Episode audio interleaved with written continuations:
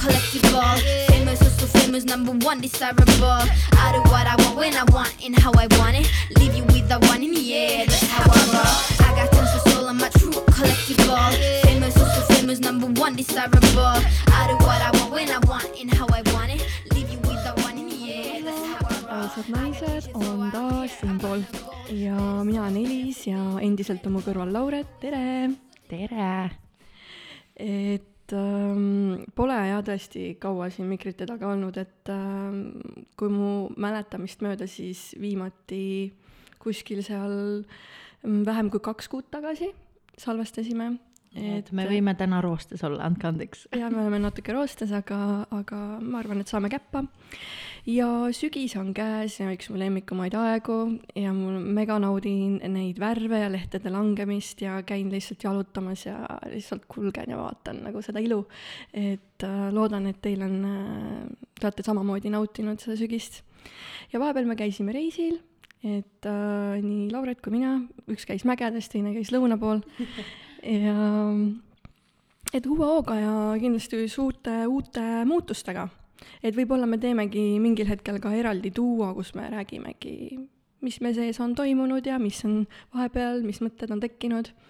Aga täna me sukeldume siis äh, coaching'u maailma, milles ka mina vaikselt niimoodi äh, kätt pistmas olen äh,. võite natukene tšekkida minu leheküljel ka eliseteekond.ee äh,. aga täna meil on väga vägev coach, keda ma olen nagu noh, niimoodi äh, aasta või rohkemgi niimoodi vaikselt jälginud ja näen, et ta on äh, väga kirega teeb oma, oma, oma asja ja otsustasime siis täna ta siia ka kutsuda. et tere, Karmo Kivi! tere! ja kuna me tavaliselt saates ka mõne sõnaga ütleme, kellega tegu on, siis äh, laseme laseme lausetel minna et Karmo Kivi on äh, isa, abikaasa, coach.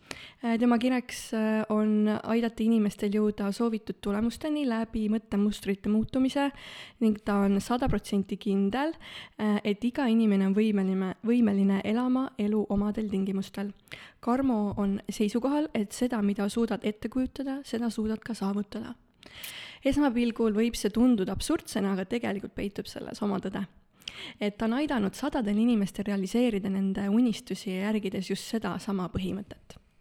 Ja mulle tegelikult meeldib su äh, äh, perekonnanimi ka, sest et see on nagu äh, sümboliseerib sind kuidagi, et äh, see ongi kuidagi, et sa oled kindel, tugev nagu kivi ja sammud.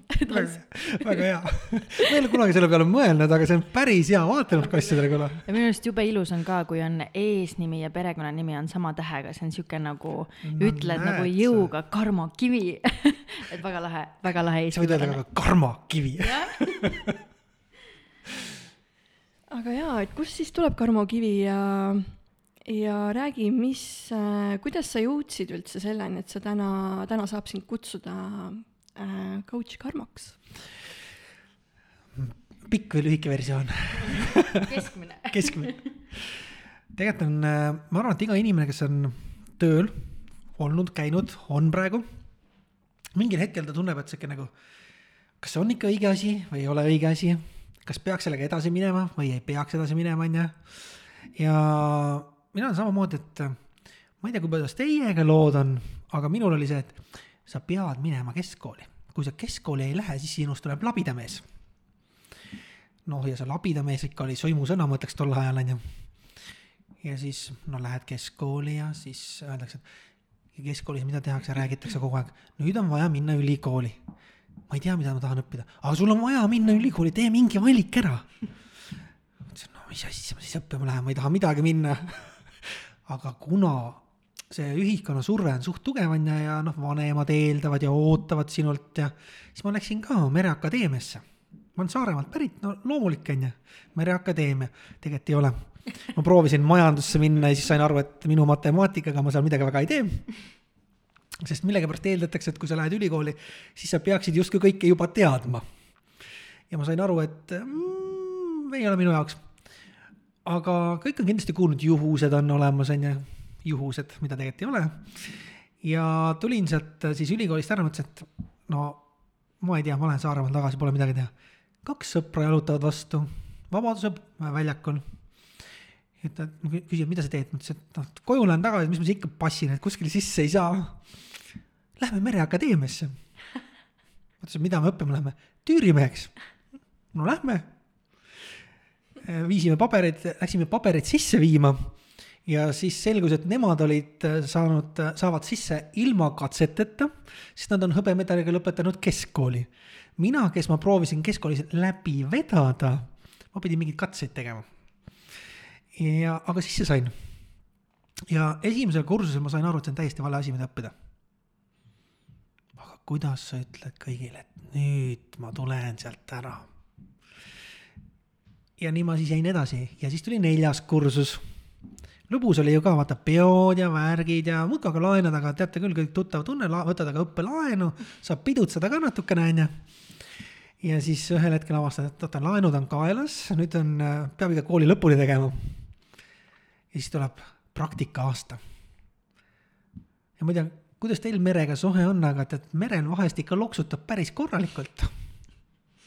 olete tähele pannud, jah? on, on merehaigeks ka tulnud või? mul vist ei ole isegi olnud jah, vedanud. mul ka mitte. vedanud jah. no mina sain selle korralikult kätte ikka ja siis mõtlesin, et ei, see ei ole see, mida teha. aga no kuidas sa lõpetad, jätad lõpetamata on ju, elus on ju kõik asjad lõpule viidud. nii et viisin selle ka lõpuni, lõpetasin merekooli ära ja siis mõtlesin, ei, ma ei lähe merd sõitma. Siis ma vaatasin neid palganumbreid, mis pakutakse kuskil, mõtlesin, ma lähen merd sõitma ja nii ma siis sõitsin, et äh, mul on alati räägitud teekarjääri, on ju, noh, jälle üks asi, mis meil räägitakse kogu aeg. ja niimoodi ma siis oligi, neljas tüürimees, kolmas tüürimees, teine tüürimees, vanem tüürimees. mis järgmine on? kapten. aga ma ei taha seda rohkem. ja siis ma tegingi, kohtasin oma naist ja tegin otsuse, et nüüd aitab, tulen merelt ära. nii et tegelikult pikk jutt lühikeseks ongi see, et ja seal merel olles sa nagu tunnedki, et sa teed tühja asju nagu, et sa teed küll, aga see nagu, see ei ole see, mida sa tahad teha. raha võib ka hea olla, aga see ei ole see. ja ma tean, nii paljud inimesed teevad asju raha pärast mm. -hmm. tuli välja, et Eestis on mingi Gallupi uuring, mille järgi kaheksakümmend protsenti inimestest käib tööl lihtsalt raha pärast mm. -hmm. siis mõtlesin, et ah, ma olin ise samasugune kunagi. Aga siis ma tulingi ära ja ja kui te teete midagi sellist, mis on vastuolus üldlevinud arvamusega, siis tuleb väga tugev vastuseis. hakkad rääkima, oled sa hulluks läinud, miks sa ära tuled sealt merelt, vaata, mis su palk on nüüd, mida sa nüüd tegema hakkad. ma ütlesin, ma ei tea, aga ma olen kindel, et ma olen võimeline äh, mitte merd sõites oluliselt rohkem teenima. Mm.. Läks aega, aga olen küll jah aga kuidas see seal siis edasi eskaleerus, sa ju sealt kohe ei läinud coach'i ameti peale, et mis seal nagu vahepeal veel siis oli? ma tulin ära, olin Pärnus äh, lae-, noh, laevandusest ikka kaugemale ei saanud väga, laeva, siis ma olin tollimaakler, laevaagent. ja peaaegu viis aastat.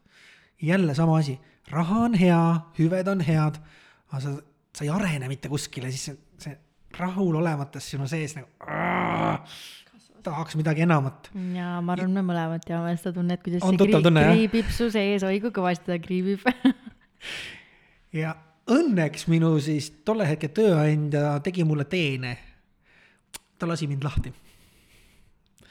ja siis mõtlesin, et no okei okay. no mis edasi, siis ma nägin lehes oli kuulutus, otsitakse Volvole müügijuhti, konsultanti ütlesin, Volvo olime just ostnud kolm kuud tagasi, noh, kandideerin siis, et, et äh, äge ju. ja oi, see CV ja motivatsioonikiri sai nii vägev, et äh, ja aga ma ei saanud, selles mõttes, et seal vaata alati pannakse, et selleks kuupäevaks saate vastuse.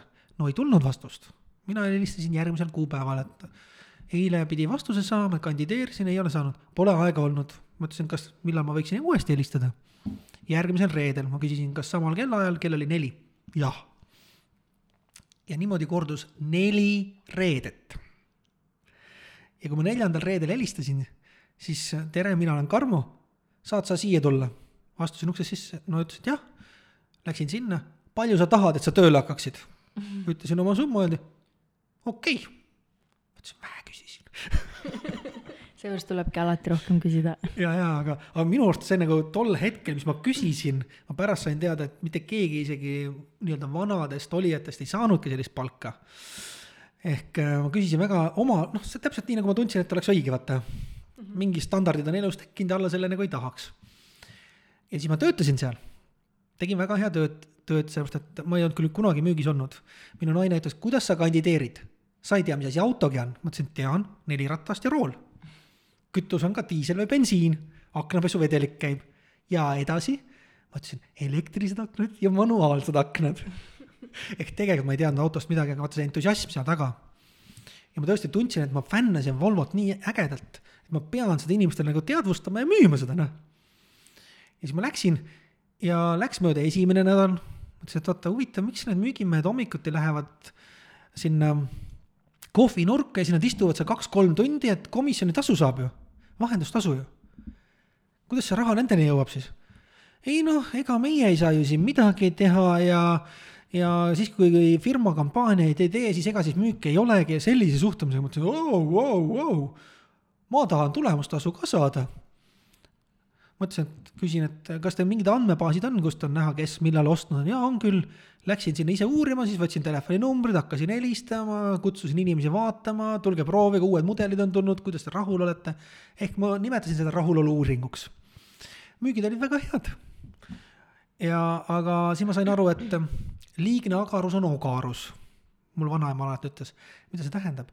mõnele tööandjale ei pruugi meeldida, kui ta tunneb ennast ohustatuna ja siis jälle oli üks reede õhtu, noh, juba päris mitmeid kuid oli nagu seal niimoodi selline, kuidas ma ütlen siis, vindumine olnud.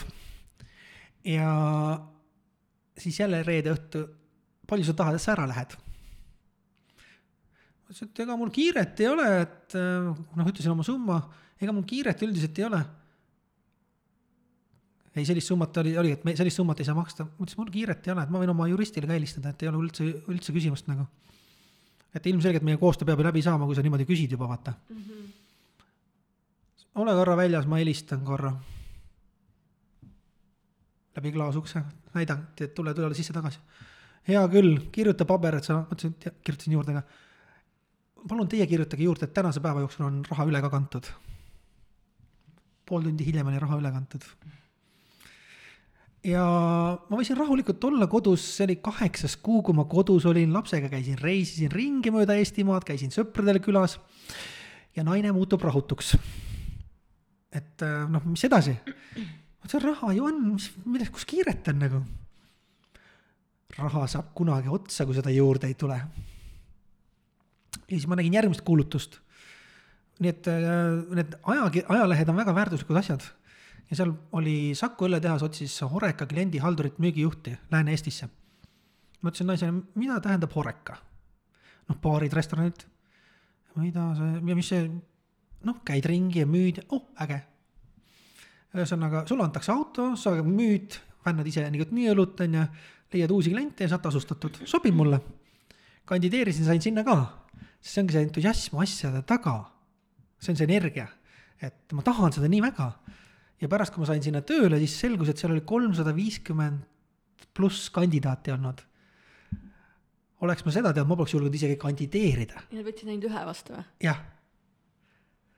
Et kui ma oleks teadnud, palju seal kandidaate on, ma poleks julgenud kandideerida, tegelikult ma oleks mõelnud, mis mõttes nagu, nagu vot ma väga samastun sellega, sa mainisid ka, et sa oled tänulik, et su tööandja lasi sind mm -hmm. lahti ja mul on samamoodi, ma ei tea, ma vist kahe käe sõrmedel ei saa ka kokku lugeda, kui palju mind on nagu lahti lastud või öeldud, et mine minema. ja siis mingi hetk sa mõtled, et nagu mis minus nagu viga on, vaatad, kas ma ei oska tööd teha, aga tänaseks päevaks ma saingi aru, et ma olen nii tänulik, sest ilma nendeta ma ilmselt ise ei oleks seda otsust teinud ja ma ei oleks elu sees siin, kus ma praegu olen. ja seesama entusiasm samamoodi, kui ma olen kuskile kohta kandideerinud, mul ei ole ette näidata mingisuguseid äh, koolitusi või mis iganes kooli tulemusi, aga ongi nagu nad tunnetavad sinu selle energia ära ja siis ma olengi saanud kohtadesse, kus võib-olla kümme saga, samasugust inimest on mingi viieaastase kogemusega Just. kandideerivad. et see energia nagu loeb väga palju. väga palju, see ongi see, et ma tõsiselt tahan, teised lihtsalt saadavad CV-sid mm, -hmm. kandideerivad kümnes erinevas kohas. ja sina oled see, et saadad ühte kohta ja nii väga tahad ja sa saad nii, aga kuidas siis sa ikkagi jõudsid coach'ini oo, see on nüüd edasilugu, nüüd väike samm edasi, ainult üks samm veel. Äh, see oli nii, et ma tegin väga häid tulemusi, müügid kolme aastaga kahekordistasin oma piirkonnas ja küsin palka juurde. noh, hell teema nagu alati, on ju. põhjendasin Exceli tabelitega kõik ära, mis ma olen teinud, kui palju müügid on kasvanud.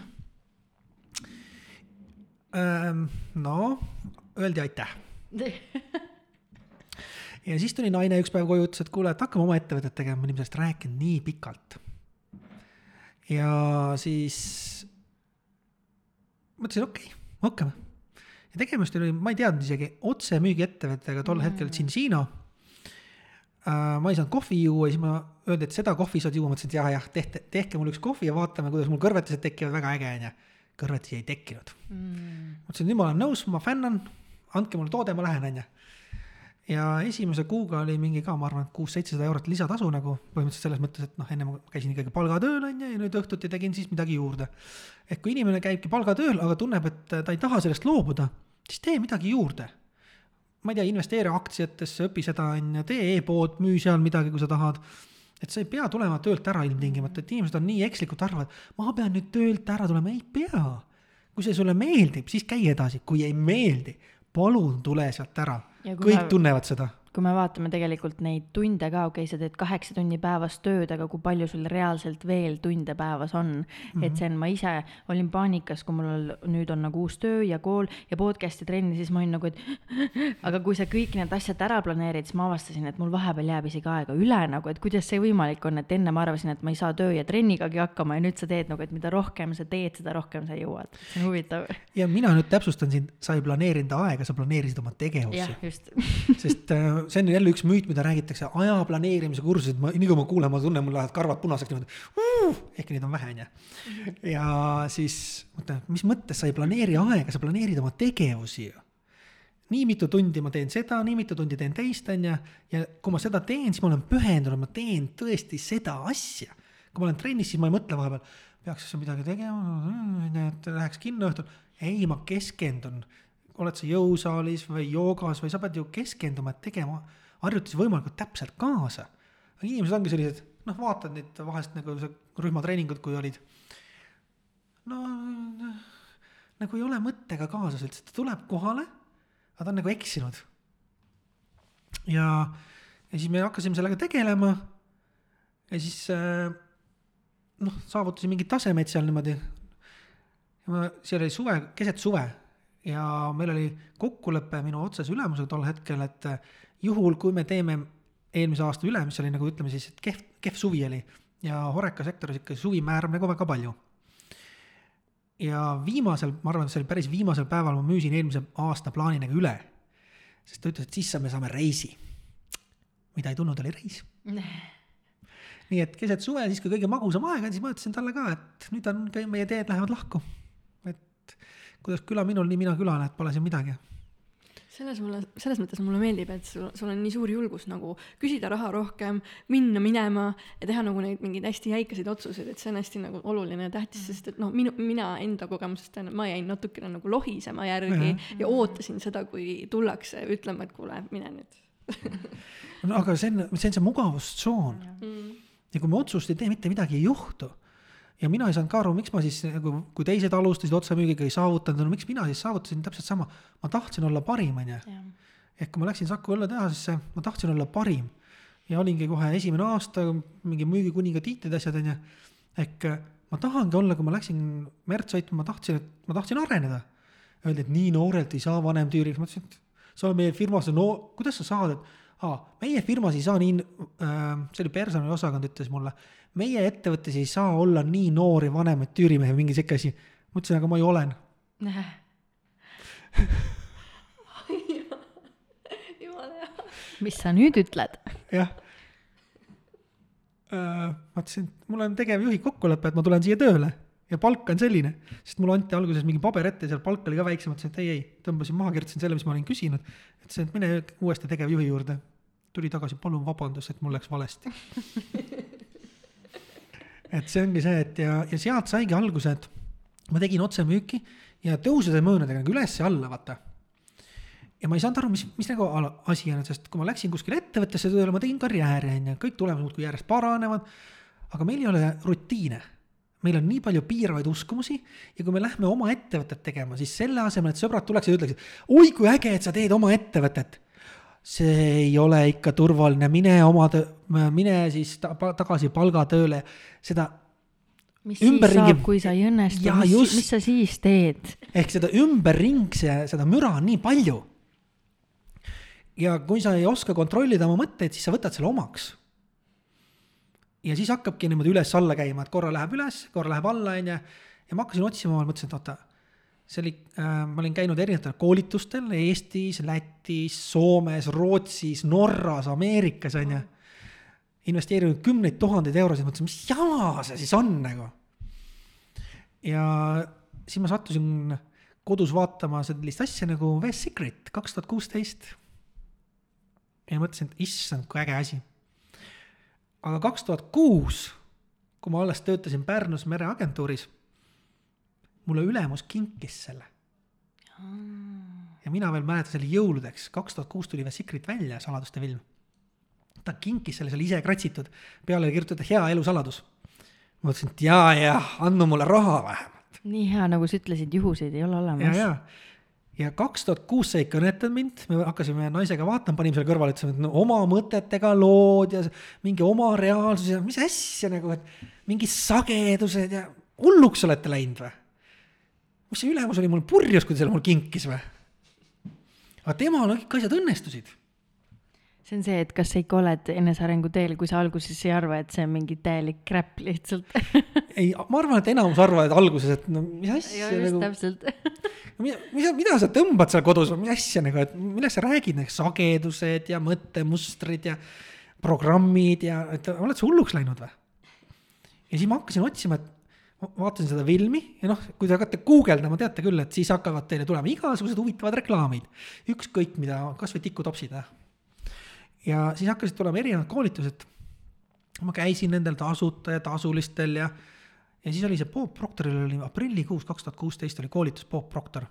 ja ma vaatasin seda, ostsin selle pileti ära, sest live streaming noh, otseülekandena on ju, hea kodus istuda ja vaadata. küll et natuke vale kellaaeg võrreldes siis Californiaga, noh, elame üle, on ju. Ja mäletan, ma hakkasin seda vaatama, ma ei saa sealt eest ära, arvuti eest enam, et issand, kui äge see on. ja siis mõtlesin, et ma tahan temaga koostööd tegema hakata. ma mäletan seda otsust ja muidugi siis tuleb igalt poolt ja, ja loomulikult Bob Proctor ootab sind, ta tahab sinuga koostööd teha ja, ja kus sa teda tundma õpid, kas ta tuleb Pärnusse, tuleb ta Eestisse oh.? ühesõnaga sellist nagu head jälle programmeerimist hakkas toimuma. Aga ma sain sellest nii palju indu, et mõtlesin, et mul, meil peab olema mitmeid sissetulekuallikaid, on ju, et mitte ainult otsemik, vaid kuskilt mujalt veel. siis tuli kinnisvara meie ellu, on ju. ja samamoodi, et kuna ma, ma käisin, ma mäletan, ma käisin ringi, nägin, otsitakse kinnisvaramaaklerit, ma ütlesin, et ei, ei, sinna firmasse ma ei lähe nagu, et see mulle ei meeldi, on ju. ja paar nädalat hiljem tuleb üks tuttav mulle jalgrattaga sõidab vastu, kuulen kummivilinat ainult ja keerab ringi, vaatasin, mis asja teeb, nüüd keeras ringi. kuule, sa oskad kõiki asju müüa. Ma ütlesin, ainult neid, mida ma fännan. mul oleks vaja paar korterit maha müüa. ma ütlesin, et no selge, et äh, ma tahan ennem näha, et ma ei saa ennem öelda jah, kui ma ei ole näinud, on ju. Lähme vaatame homme üle. Läksime vaatama, selgus terve kortermaja, mitte paar korterit. ja, ja ma hakkasin neid müüma, tegime lepinguid, hakkasin müüma ja väga hästi jälle samamoodi, sest ma ise uskusin, vaata. ja väga head tulemused ehk üks tuntud Eesti firma, kes oli müünud seda kinnisvara juba poolteist aastat enne seda, kui meie alustasime seal, ütleme siis mina tol hetkel äh,, ei olnud suutnud nii palju kortereid müüa, kui mina suutsin paari kuuga. see ongi see, et sa pead ise uskuma sellesse, mida sa müüd. ja siis äh, ma lükkasin seda kogu aeg seda koostööd Bobiga edasi, mõtlesin, et kus ma selle raha võtan ja tead küll, noh, noh, ketrab sul kuskil. aga ma iga kuu olin ühenduses ühe nende tema treeneritega. Ehk ma hoidsin nagu sidet. ja see oli see septembrikuu, siis ma ütlesin naisele, et nüüd ma lähen. kuhu? ma ütlesin New Yorki. mis sa sinna lähed? ma lähen Bob Proctorit kokku saama mm,. ta ju ootab sind jälle, seal on ainult mõni miljon inimest. meil oli üheaastane laps, onju, siis äh, finantsid olid nii ja naa, sest eel- eelnevate aastatega oli miinust suudetud kõvasti toota äh,. ma arvan, korteri rent oli vist maksmata, autoliising oli piiri peal, kogu aeg mängisid sellega, et meeldetuletusi said, onju. ehk ja siis mina ütlen, et ma lähen nüüd viimase raha eest ostan selle lennupileti ja lähen New Yorki. ta ei olnud väga rõõmus. nii et Jana, sa kuulad seda kindlasti. ma tean, mis sa tundsid ja aga ma leppisin emaga kokku, et ta käib abis ja tuleb Pärnusse, sõidab Saaremaad ja kõik oli hästi, noh, justkui hästi, onju. siis mõtlesin, et okei okay,, kuidas ma New Yorgis hakkama saan, raha ei ole, noh, ketr, vaata. ma tegin otsuse järgi, et ma saan hakkama. noh, läksin New Yorki, aitasin seal teha, sõbrad pakkusid tööd, sain raha teenida, väga hästi kõik, onju. ja see oli esimene nädal Eesti Majas. me tutvustasime neid Cincino tervisetooteid ja seal oli väga palju inimesi tuli kohale ja siis üks naisterahvas tuleb minuga rääkima, et kuule, et mis sa tegelikult nagu tahad, ma ütlesin, et ma tahaks Bob Proctorit kokku saada. Bob Proctoriga või? võttis telefoni, mõtlesin, nüüd helistab Bobile või? helistab mingile mehele, võtab telefoninumbri. Hey, I have one guy from Estonia who wants to meet Bob. Do you have time? yeah., andis mulle telefoni, onju. ja põhimõtteliselt oligi see naine tundis siis Bob Proctori treenerit New Yorgis ja järgmine päev ma sain nendega kokku. juhus või? Ja siis ma rääkisin nendega ja siis ja, ja me ei saa umbes sellist asja organiseerida, et Bobik kokku saad ja see pole ikka võimalik ja et noh, tal on nii vähe aega, kui ta tuleb New Yorgist, ta on kaks päeva siin ainult on ju, eralennukiga tuleb, eralennukiga läheb. ühesõnaga kõik see, ma ütlesin, te ikka veel ei saa aru, mida te õpetate või? kui ma olen otsustanud, et ma saan temaga kokku, siis ma saan temaga kokku mm.. ma ütlesin, kas teil on vaja vabatahtlikke, et pileteid müüa? jah siis ma aitasin pileteid müüa koolitusel, mida Bob tegi seal New Yorgis. seal olid veel tegelikult äh, väga paljud inimesed, kes olid seal Secret'i filmis olid veel seal nagu koolitust tegemas. ja, ja seal ma saingi Bob Proctoriga siis kokku. ja, ja sealt, sest ma teadsin, et äh, kaks tuhat kuusteist äh, aprillis ma teadsin, et seda informatsiooni on Eesti inimestel vaja et on vaja süsteemselt seletada inimestele, kuidas oma alateadvust ringi seadistada, on ju, kuidas oma mõttemustreid muuta, oma uskumusi muuta, et seda on vaja eesti keeles. ja siis, kui ma Bob Proctoriga kokku sain, siis ta äh, rääkisime juttu ja ta küsis nii huvitavaid küsimusi, millele ma ei osanud vastata. ja ometi ma olin tol hetkel neljakümne aastane. ehk üks küsimus oli, kes sa oled? ma ütlesin, Tarmo Kivi, see on su nimi mõtlesin, et isa, ettevõtja, see on su tiitel, kes sa oled mm,? noh, ta oli kaheksakümne kahe aastane, onju, ma mõtlesin, et natuke uhu, vaata, et noh, et midagi on ära loksunud paigast või ma ei tea, mis on juhtunud, onju.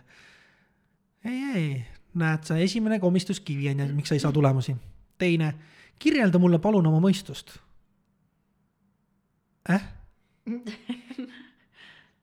aju ma tean, mõistust ma pole isegi vist nagu kuulnud, räägitakse kogu aeg ajust, ajust, ajust, vaata, et mõistusest nagu noh ähm,. ma ei tea. kuidas tulemused tekivad? no tegutsen ju tead. ei, tegevus on üks osa ainult. kust tulemused alguse saavad? siis ta ütleski, siin ongi sinu kitsaskohad, sa ei tea, kes sa oled, onju sa ei tea, kust tulemused tekivad ja sa tahad kogu aeg paremaid tulemusi. nii lihtsad küsimused tegelikult, aga kunagi ei mõtle neid, et küsida ja siis, kui sa küsid, siis ma oleks vist, ma arvan, päev otsa nagu, et. ja, et mis, mis, mis siin, mis, mis selles nagu rasket on, kes ma olen, onju. mõtled ju, sa oled inimene ja noh, et kes ma siis olen, onju.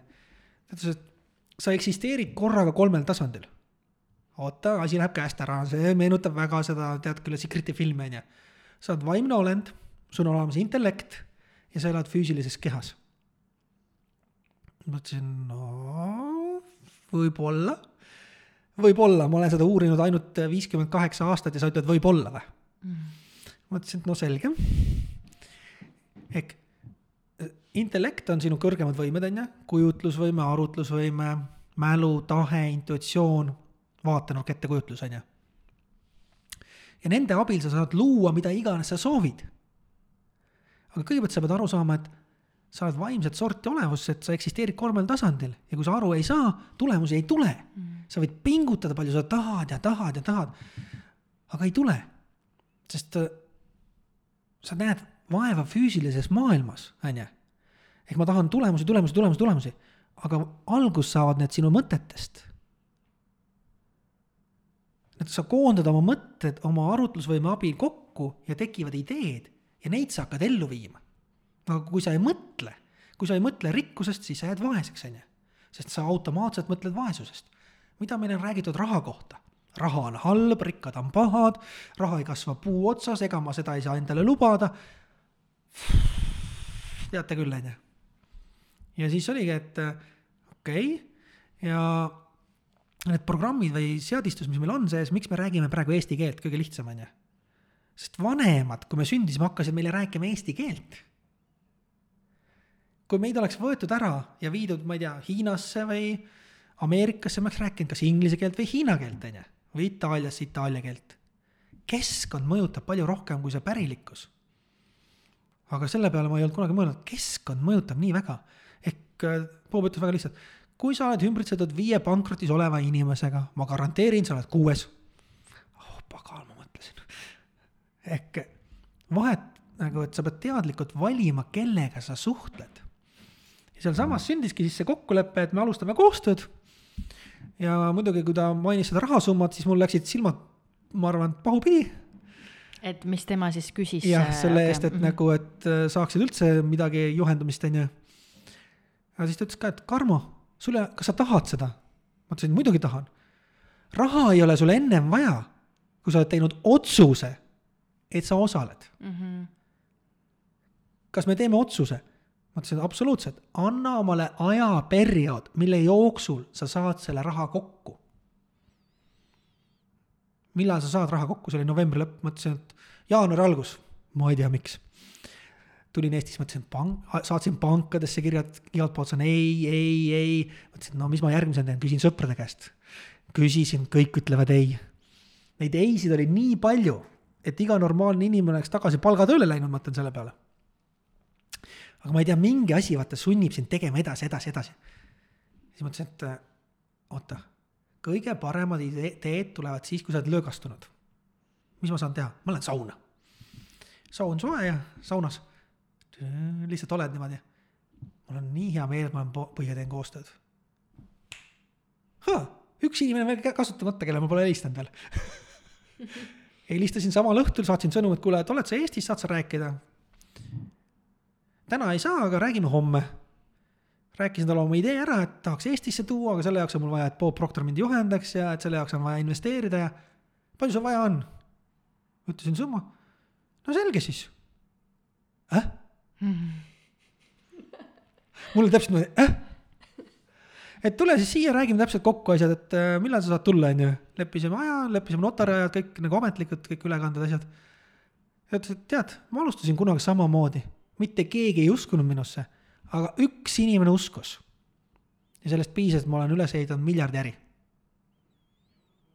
ehk tegelikult meil tutvusringkonnas on alati inimesi, kes on valmis meile laenama kui me ise oleme entusiastlikud selles osas, mida me tahame teha see on see küsimise jõud ka, ma tunnen, et meil, meis ongi nagu see normaalsus, et sa ei küsi, sa ei räägi, sa ei mm -hmm. jaga, siis see on nagu, et, et mida ta minust siis arvab, aga tegelikult ma ise tunnen ka, et kui keegi sulle mingil õigel hetkel ütleb teatud õige lause või kommentaari või mingi õige märkuse, siis see võib olla see üks tõuge, mille pärast sa viie aasta pärast oled mingi, et vot see oli see üks lause, mille pärast ma hakkasin tegutsema. et see ongi see, et ma ise olen ka üritanud praktiseerida, et kui ma tahan midagi kellelegi öelda, siis see tundub ebamugav, aga ütle, sest mm -hmm. sa ei mhm. tea kunagi, et see võib nagu nagu tema elu muuta. täiega võib muuta.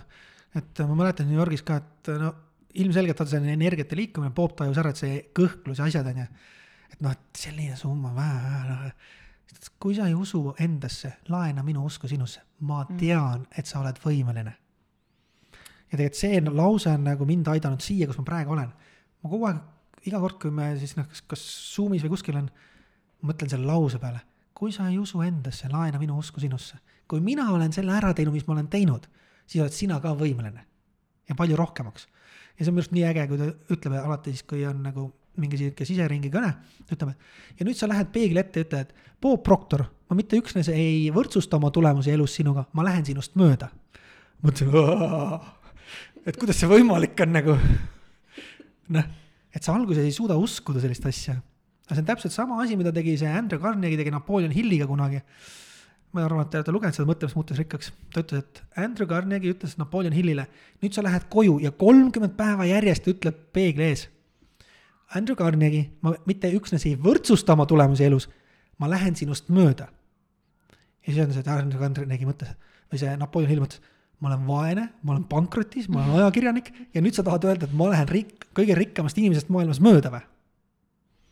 noh, ja siis ta kirjeldas, ühes raamatus tal oli, ma ei mäleta, mis raamat see oli, ta kirjeldaski, et esimene päev, esimene nädal ma tundsin, ma valetan endale. teine nädal, noh, hakkab juba sihuke väike elevus tekkima, päriselt on see võimalik või? kolmas nädal, juba rind ees ja ma teen selle ära. ehk see ongi see enda see autosugestioon, mida ma endale sisendan. ma ei saa hakkama, olete kuulnud inimesed, ma ei saa hakkama, ma pole selline inimene. mul ei ole seda, mul ei ole neid omadusi antud. jah, mul ei ole neid omadusi antud, polegi püsivust ei ole kellelegi antud, on ju. enesekindlust pole kellelegi antud, see areneb, on ju. noh, väljendusoskust me õpime, on ju, tegelikult, seda pole ka kellelegi antud, mõnel on võib-olla rohkem, sellepärast et ta oli vanemad, kes väljendasid ennast paremini, on ju. aga tegelikult on kõik õpitav tahtsin mainida seda, et tõesti see, et kellegi teise usu laenamine, see on mind ka hästi palju aidanud. et kui sa tõesti ei usu endasse, aga sa tahad seda saavutada, siis nagu võta keegi, kes usub sinusse ja lihtsalt laena tema usku, kuni sa teed selle ära, et see on mind ka nii palju aidanud mm.. et see on lahe, et ähm, me küsisime sult ühe küsimuse ja siis sujuvalt sa võtsid terve ploki läbi niimoodi, et kakskümmend viis hiljem, kakskümmend viis minutit on möödas ja me jõudsime vastatud. et äh, läheks siis võib-olla kohe siit uue ploki juurde, et enne seda ma veel küsiksin mu vaieldamatu ootamatu lemmikküsimus, et äh, mida sina ütleksid kahekümnendates olevale iseendale, kui sa saaks temaga kohvile minna? mõtle, mida sa tegelikult tahad, päriselt ka, et mõtle, mis sind, mis paneb sul silmad särama. see on nagu minu arust see Ott Tänaku film on vaata hea, see Ott, Ott Tänak või movie. et kus ta juba lapsepõlvest teab, et ta tahab saada rallisõitjaks. ja kuidas õpetaja siis ütleb, et see pole võimalik. Äh, umbes, et tõmbab maha, onju, aga tegelikult ta viis ju ellu oma unistuse küll, et ta sai oma õppetunnid, et see ego tuleb ära unustada, on ju, et ja mis mind inspireeris, oli ka seesama, et mõtlesin, sport, see oli kaks tuhat kuusteist, kui ma vaatasin seda Secret'i filmi, on ju, juhendaja. sest seal oli all igal pool coach ja mentor ja mis iganes, seal olid autorid ja on ju, parim see mingi New York bestseller ja ma ei tea, mis tiitlid seal kõik all jooksid, on ju. siis mõtlesin, et aga mis on nendel inimestel teistmoodi, kui on tavainimestel nendel on oma juhendajad. Nendel on oma meeskonnad, kes neid aitavad, on ju. Nendel on põletav ihaldus, meeletu tahe, enesedistsipliin. aga see tulebki sellest, et sul on need õiged inimesed, täpselt sama, mis me ennem rääkisime, õiged inimesed on sinu ümber ja nad toetavad sind, toetavad sind, toetavad, nad usuvad sinusse, sest muidu nad ei annaks sulle raha. Nad ei finantseeriks neid asju, on ju. ja sealt nagu kogu see asi hakkab pihta tegelikult aga millal sa hakkasid nagu teadlikult oma mõttemustreid tähele panema, et äh, mis oli nii-öelda selle äh, sütitaja, et sa nagu panid, et okei okay,, mul on see muster ja nüüd ma peaksin seda muutma ja mis, millised need mustrid olid? oh, neid oli palju, neid on siiamaani palju ja mitte kõik ei ole kõige paremad. aga see, ma arvan, et see muutus toimuski tegelikult peale Bobi seda koolitust on ju esimest ja pärast seda, kui ma tegin otsuse, et ma hakkan nagu tõesti nagu süsteemselt nüüd tegelema iseendaga. ehk sinnamaani ma olin vaadanud Youtube'i, lugenud raamatuid, käinud erinevatel koolitustel, tasuliselt, tasuta on ju. ehk tegelikult meil ei ole fookust, me kogume kogu aeg infot. arvame, me saame kuskilt vastuse väljastpoolt iseennast, ei saa, vastus on meie sees. ja kui me hakkame sellest aru saama, et tegelikult ma pean küsima iseenda käest, siis hakkavad muutused toimuma aga me oleme nii rakkes, et me ei taha väga küsida kuskilt. me küsime teiste käest, aga mitte enda käest. mida ma tegelikult tahan. kallis, mida sa täna süüa tahad? lapsed, kuhu me täna lähme? oota, aga mis sina tahad? jah, eks see ego tuleb ka siin mängu väga tugevalt aga too meile mingeid näiteid, et mis nagu mõttemustrid või uskumused sul nagu olid, mida sa, millega sa siis teadlikult tegelesid ja millega sa said nagu noh, mille kohta sa saad tõesti öelda, et eh, ma muutsin neid. rikkad on pahad, raha ei kasva puu otsas. vanasti kasvas, enam tõesti ei kasva, ennem tehti paberist raha, onju. noh, kasvaski puu otsas, aga kõik ütlesid, raha ei kasva puu otsas, miks? et tegelikult ongi, sest meile räägitakse kogu aeg, et no meie tutvusringkonnas oli ka suguvõsas oli inimene, kes siis ütleme, et ta tegi oma ettevõtte, siis kui see võimalused avanesid, on ju. ja siis ta ei olnud enam aega teistega nagu sugulastega koos istuda, sest tal ei olnud nendega midagi enam teha. tal olid oma eesmärgid ja siis hakati rääkima, et vaata, tal ei ole üldse meie jaoks aega, onju. aga kullakesed, tema ju andis teile raha, ta andis teile tööd kohati, onju. seda ei märganud keegi. aga seda, et tal ei ole nende jaoks aega, et viina visata koos mm, -hmm. märkasid kõik, onju. tal ei olnud aega selle jaoks, see ei olnud tema hobi, temal oli, ma tahan oma ettevõtte püsti panna, ma tahan, et see toimiks, onju, ma tahan, et ma saaksin investeerida. noh, hoopis teised huvid, onju. ehk äh, meil on nii palju räägitud sellest rikastest, vaadake kasvõi filme, rikkus on halb, on ju, rikkad teevad kõike halba. jah, osad teevad, need on need inimesed, kes armastavad raha, mitte inimesi, on ju. ja teine kontingent inimesi, kes armastab inimesi, teeb rahaga nii palju head.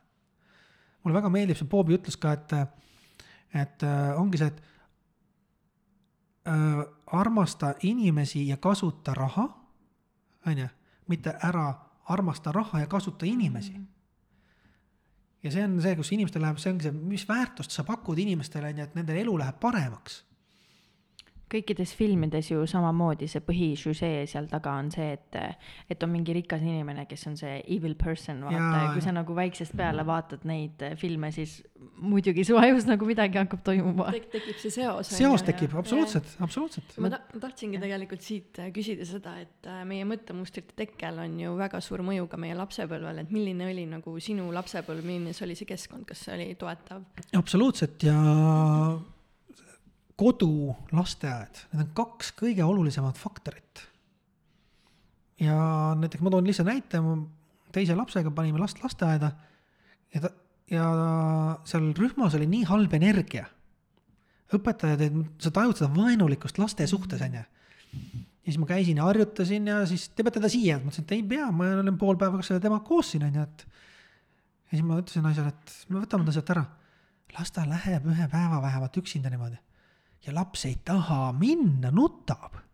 siis mõtlesin ka, kas sa tahad tõesti, et laps läheks nutvalt sinna. ja siis me läksime koos sinna ja siis jälle hakkas seal mingisugune trangi trill ja trall onju. mõtlesin kasvatajatele ka, head aega, võtsin lapse ja ütlesin, et meie siia ei tule ja ma arvan, et teid tuleks lahti lasta mm. ja siis me rääkisime selle lasteaia juhatajaga ja siis loomulikult hakati õigustama kasvatajaid ja siis mõtlesin ka, selge, me oleme oma ettevõtte omanikud, meil ei ole tähtsust, las laps olla kodus ja siis avanes hoopis uus, mõtlesin ka, et varsti avaneb uus võimalus ja paar päeva hiljem tuli sõnum, et kuule, uus lasteaed tehakse, et väga ägedad kasvatajad on nagu, nagu võluvägi jah, võluväel tulevad kätte. et see ongi see kodu ja lasteaed. kui vanemad on ise rahulolematud, nagu enamus inimesi on, fakt, siis nad lähevad koju, töö juures nad ei julge suud lahti teha, suu on nagu seda tulist kartulit täis, vaikivad, neelavad alla väga hea film on muideks Viharavi. Viharavi äh,, issand, mul ei tule Sandler ja ma ei mäleta, kes see teine on. võime panna selle ja, siia kirjandusse. pane sinna kirjandus, et see on tõsiselt hea, see on see sissepoole elatud viha. ja see on palju hullem kui see välja elatud viha. ja nüüd ta läheb koju, see väsinud tööinimene, nüüd ta elab lapse peal välja, nüüd ta elab abikaasa peal välja nüüd ta on liikluses närviline, teeb avariisid, onju, kihutab, sülgab tuld. ehk see närvilisus tegelikult on temas endas, onju, ja nüüd ta läheb koju ja rikub lapse ära, sest tema vanemad olid samasugused. põlvest põlve, Ameerikas on kindlaks tehtud, et need, kes on äh, teist-kolmandat, no seal on need äh, abirahade peal elajad, noh, ma arvan, et Eestis võib-olla on ka, onju, ärge pahaseks saage, aga abirahade peal elavad inimesed muutuvad mugavaks selle rahaga, selle vähesega, mis need on. ma võin saja euroga hakkama, absoluutselt, on olemas kiirnuudlid, on ju, makaronid, sa saad hakkama. aga kas see on see elu, mida sa tahad? aga sinu lapsed võtavad selle omaks. ja nemad võtavad ka selle elustiili üle.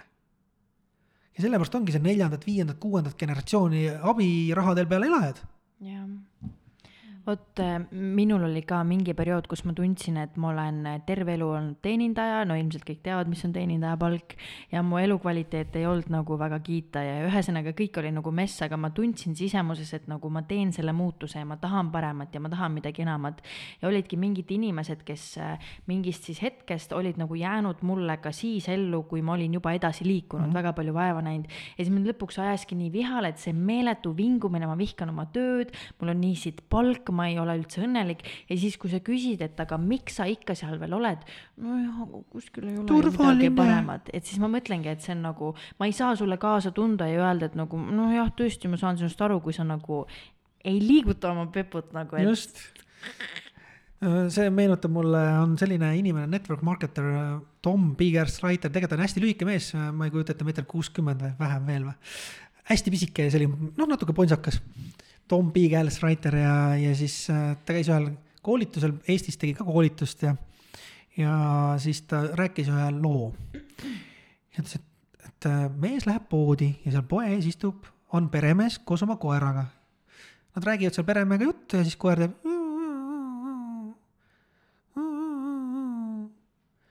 mis, mis, mis toimub nagu? ei noh, tal on tegelikult istus laua otsa, millel on nael, aga ei ole piisavalt sügaval, et püsti tõuseks. ja inimestega on täpselt sama asi, ei ole piisavalt sügaval, et püsti tõuseks. Mulle meeldib see ütlus, kus on see, et kui sa eh, ise seda, ütleme ise sellest olukorrast aru ei saa, siis universum teeb mingi hetk midagi väga katastroofilist, et sa lõpuks saaksid sellest aru. et ma selles mõttes väga samastun sinuga, et minu enesearengu ja üldse eluteekond algas ka nagu otsemüügist, et kõik see Bigel ja Erik Borre ja kõik olid mm. nagu ja ma tundsin, et see oli ka nagu üks koht, kus ma sain nii paksu naha peale, sest kui sa teed Eestis otsemüüki, siis nagu yeah. holy shit, nagu mis sa sellest nagu saad, aga see oli nagu see minu alustala, kust ma liikusin edasi ja kui ma ei oleks otsemüüki nagu alustanud, siis nagu ma oleks ilmselt teeks praegu kohvisid, et ähm, Äh, tegelikult Cool. mina ütlen, et mina soovitan kõigile noortele, ma ei tea, alates kuueteistkümnendast eluaastast minge otsemüüki, päriselt ka. kogu see, ükskõik millise ettevõtte me võtame, tegelikult nendel on väga hea treeningprogramm. Nad ei lähe võib-olla nii süvitsi nagu võiks minna, ehk nad ei räägi selle paradigma või noh, ütleme siis programmi paradigma tekkest on ju, ja kuidas seda muuta, seda ei räägita, räägitakse kogu aeg, ole positiivne, tegutse on ju. tore, aga üks komponent on puudu, see on tunne seal taga eks sul tunnet, tunnet ei ole taga, ehk siis hoiak on ju mõtted, tunded ja tegevused. ma mäletan, kui ma küsisin, mis asi see hoiak on. sest kogu aeg räägiti, muuda oma hoiakut, muuda oma suhtumist, kõik läheb paremaks, mis see on? ja, ja kuidas sa teed seda, on ju, et ma tean küll, et ma peaks tegema, aga kuidas sa teed seda? me kõik teame seda, et me peaksime parema suhtumise, kuidas? no just, et ma mäletan ise ka, ma kogu aeg lugesin, et muuda suhtumist, et muuda, muuda seda ja muuda toda, onju, ja siis mul oligi, ma läksin vihaseks lihtsalt. ja, et mis te räägite, näidake, kuidas seda teha. ja see oli ka üks mul nagu, see nagu, kui ma seda kaks tuhat kuusteist aprillis nägin seda Bob Proctori koolitust, mõtlesin, tegelikult on ju nii lihtne, et see on lausa raske teha ju aga siis sina oled ka niimoodi aru saanud, et kõigepealt siis on mõte, siis tuleb tunne, mõtete korduse tulemuse aiandusel tekib uskumus ja selle najal tegutseme, millest omakorda tekib harjumus. sellest tekib, sellest domineerivast tundest tekivad sul äh, harjumus tegutseda, vaata mm. -hmm. ehk äh, kui ma ütlen niimoodi, et noh, hambapesemine, mäletate veel, kui väiksed olite või mm? -hmm. ema ja isa pidid meelitama, ma ei tea, mis asjaga nagu. või siis hirmutasid, kaks võimalust on, onju. ja, aga praegu me ei mõtle, me lähme automaatselt ja peseme hambaid. miks? kust see harjumus on tekkinud, onju? eks see ongi see, et mida me siis oleme nagu võtnud omaks, onju ja absoluutselt olen sinuga nõus, mõte on ju, domineer-, kogu aeg mõtlen, mõtlen. ja siis ma pean selle suutma endale maha müüa iseendale. sest kui ma ei suuda endale maha müüa, ma ei suuda mitte kellelegi seda ideed maha müüa. sa ei usu sellesse? just, esimene müük toimub alati iseendale, eks ole. just, sada protsenti. ehk ma pean seda nii väga tahtma, mul peab tekkima tugev emotsionaalne side, et ma olen valmis tegutsema. ja see on täpselt see koer, et mul peab olema nii valus, et ma lõpuks tõusen püsti, onju. sest kui mul ei ole nii valus, siis ongi, ma saan ju hakkama. ja saabki, abirahadega saab hakkama, lastetoetustega saab hakkama, ei peagi midagi tegema. aga kas see on see elu, mida ma tegelikult tahan? Mis ajaga tekib uus harjumus, ma olen nii palju kuulnud, kolmkümmend päeva, kakskümmend neli päeva, kuuskümmend kuus päeva, seitsekümmend kaks tundi. või üheksakümmend. tead, mina ütlen selle peale, et see sõltub täpselt sellest samast, kui väga sa midagi tahad. sest kui sa midagi väga tahad, see tekib momentaalselt, sa lihtsalt lähed ja teed. ja kui sa pead nagu seda kogu aeg endale maha müüma ja maha müüma, sa ei tee otsust. jälle see otsuse tegemine on ju. ma tegin otsuse, et ma olen niimoodi ja ma teen igal jumala hommikul selle otsuse, sest see ei ole harjumus. Ja mõnel inimesel kulub selleks aasta, teisel võib-olla kolm päeva, teisel kakskümmend üks päeva on ju. mõnel tegi aastaga ka seda, ta kogu aeg ikkagi teeb, peab seda teadlikku otsust tegema, et ma lähen ja teen seda trenni, onju. mingil määral sul peab ikkagi see distsipliin ka olema, et ennast Meele- nagu sundida, et kui sa nagu oled otsuse vastu võtnud, siis ikkagi on see, et nagu sa mingil teatud päeval tunned, et et siis sul peab ikkagi tulema see koht, et sa sunnid ennast, isegi kui see tahtmine on nagu väga suur. pea, pigem ma ütleks ära sunni, vaid mõtle, et miks sa seda tegema hakkasid mm.. sest kui sa sunnid, see on nagu vastumeelsus yeah., vaata nagu, et ma vägisi teen midagi. sest kui sa last sunnid tegema midagi, ta ei taha teha, onju. ja, aga kui ma mõtlengi, et okei okay,, selleks, et olla nüüd ideaalses kehakaalus on ju, ma toitun täpselt nii, on ju. vahest võin libastuda, mis siis on ju, see on nagu see, et ühe päeva söön, ma ei tea, McDonaldsit on ju, ega ma ära ei sure. aga kui ma iga päev seda söön, ma arvan, et see ei ole väga hea, on ju ja, ja, ja täpselt samamoodi on trenniga, et üks päev jääb vahele, no mis siis on ju. aga kui sul jääb kolmsada kuuskümmend viis päeva vahele ja korrutame selle nüüd kümnega, jääb kolm tuhat kuussada viiskümmend päeva. mis siis sinust järgi jääb? kõik, mida sa ei treeni ju närbub, on ju. on ju näha lihaste pealt, on ju, ja samamoodi inimeste mõttejõud kaob ka ära, sest meil ju lapsest saadik ei ole õpetatud mõtlema. kujutage ette, üks kõige tähtsamaid asju elus, aga meil ei ole seda õpetatud, mõtlemist. sest see ju tuleb iseenesest. tundub loogiline. sa vaatad muudkui, aga kasutad oma tajumismeeli, mul ei ole pangaarvel raha, ma ei saa seda omal lubada. mis mõttes ei saa? iga inimene, kes seda saadet kuulab, on raudselt ostnud midagi, kui tal raha ei olnud. ta leidis need vahendid, sest ta tahtis seda nii väga. olgu see siis telefon, ma ei tea, reis, auto, kodu, onju, mis iganes see on. aga see oli väga tugev tahe seal taga. ja nüüd ta oli valmis tegevusse liikuma ma ei tea, laenama, müüma, midagi tegema. sest ega mõtlengi, et kodus võid istuda küll diivani peal, aga ma ei kujuta ette, kas see on väga tugevad musklid tekivad. me rääkisimegi siin ennem sellest, et keskkonnal on väga suur mõju meile, et äh, kus praegusel ajal inimesed võiksid leida üksteist motiveeriva õhustikuga keskkonna, et äh, et praegu on meil ju koroona ka, on ju, ja noh, üldse, et, et äh, kust võiks iga päev müüakse õlut koroona. aga on väga palju erinevaid kogukondi tekkinud Facebookis onju. suhelge, on koolitusi, mis tehakse tasuta samamoodi onju. vaadake, kes need inimesed on, võtke ühendust, ütle, et kuule, sa olid ka seal koolitusel, et miks sina sinna tulid, et mina tulin sellepärast. tekitage arutelusid onju kõik, mina olen ka loonud sellise keskkonna, kus inimesed, kes tulevad mulle coaching usse onju, me saame kokku, nüüd jälle saame just, tuleb väga vinge pidu ja koosviibimine. Eesti parimad diskorid on ju, et äh, kui kuidagi ei saa, siis kuidagi ikka saab. terve suure hotelli võid võtta või villa või midagi, tee ise midagi. ega keegi sul kandikul kätte ei too, on ju. ma tahan kokku saada inimestega, mis ma tegema pean, okei okay,, ma panen kuskil postituse, kes tahavad tulla, lähme, on ju. tee midagi eks alati on väga lihtne öelda, et aga keegi ju ei tee. just, keegi ju ei tee. ma tahtsin küsida, sina oled ju coach ja iga päev oled nende teemade keskel, et äh, kindlasti paljud inimesed võib-olla samastuvad, et mis on see kõige levinum mõttemuster, mida sa praegu enda töös nagu kõige tihedamini näed, et mis nagu inimesi tagasi hoiab ja mis on sihuke toksiline ja mis sa oled nagu soovitanud selle puhul, et võib-olla inimesed võtavad siit kindlasti midagi kaasa madal enesehinnang mm..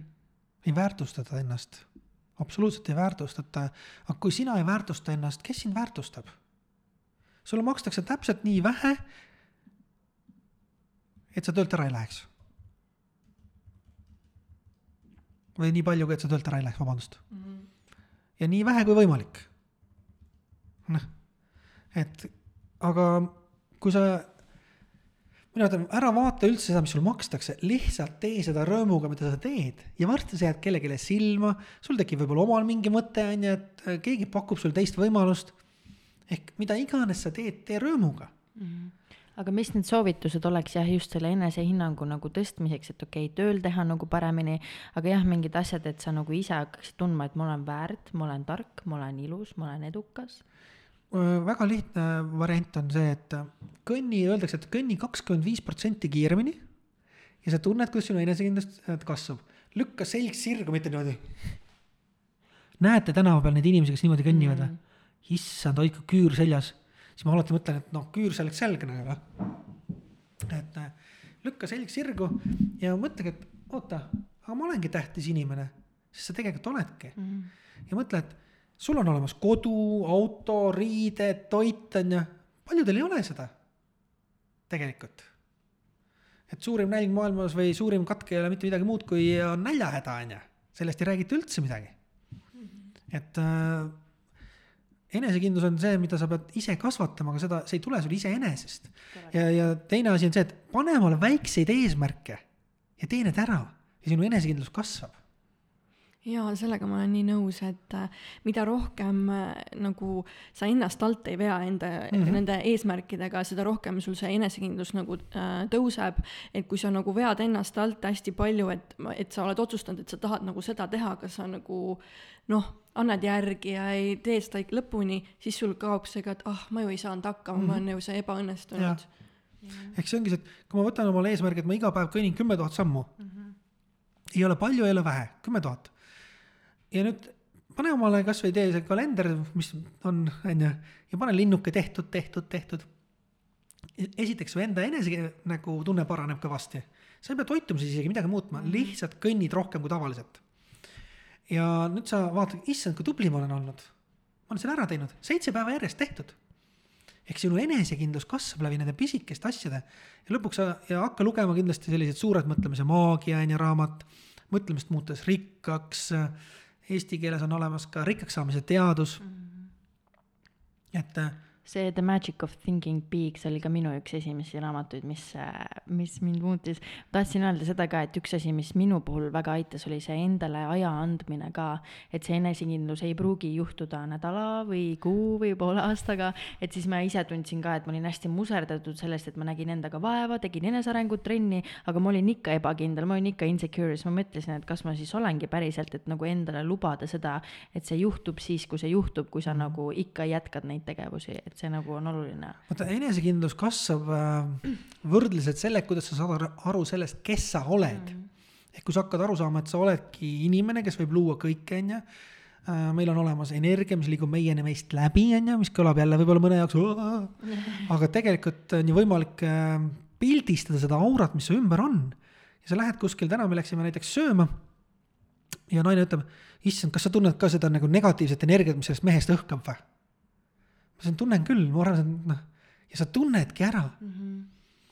ja, ja, ja mida rohkem sa hakkad tähele panema, et sina oledki iseenda mõtete rajaja, on ju. mulle väga meeldib see lause, mis on ingliskeelne, your mind is a center of divine operations ehk sinu mm, mõistus on jumalike operatsioonide keskpunkt, on ju.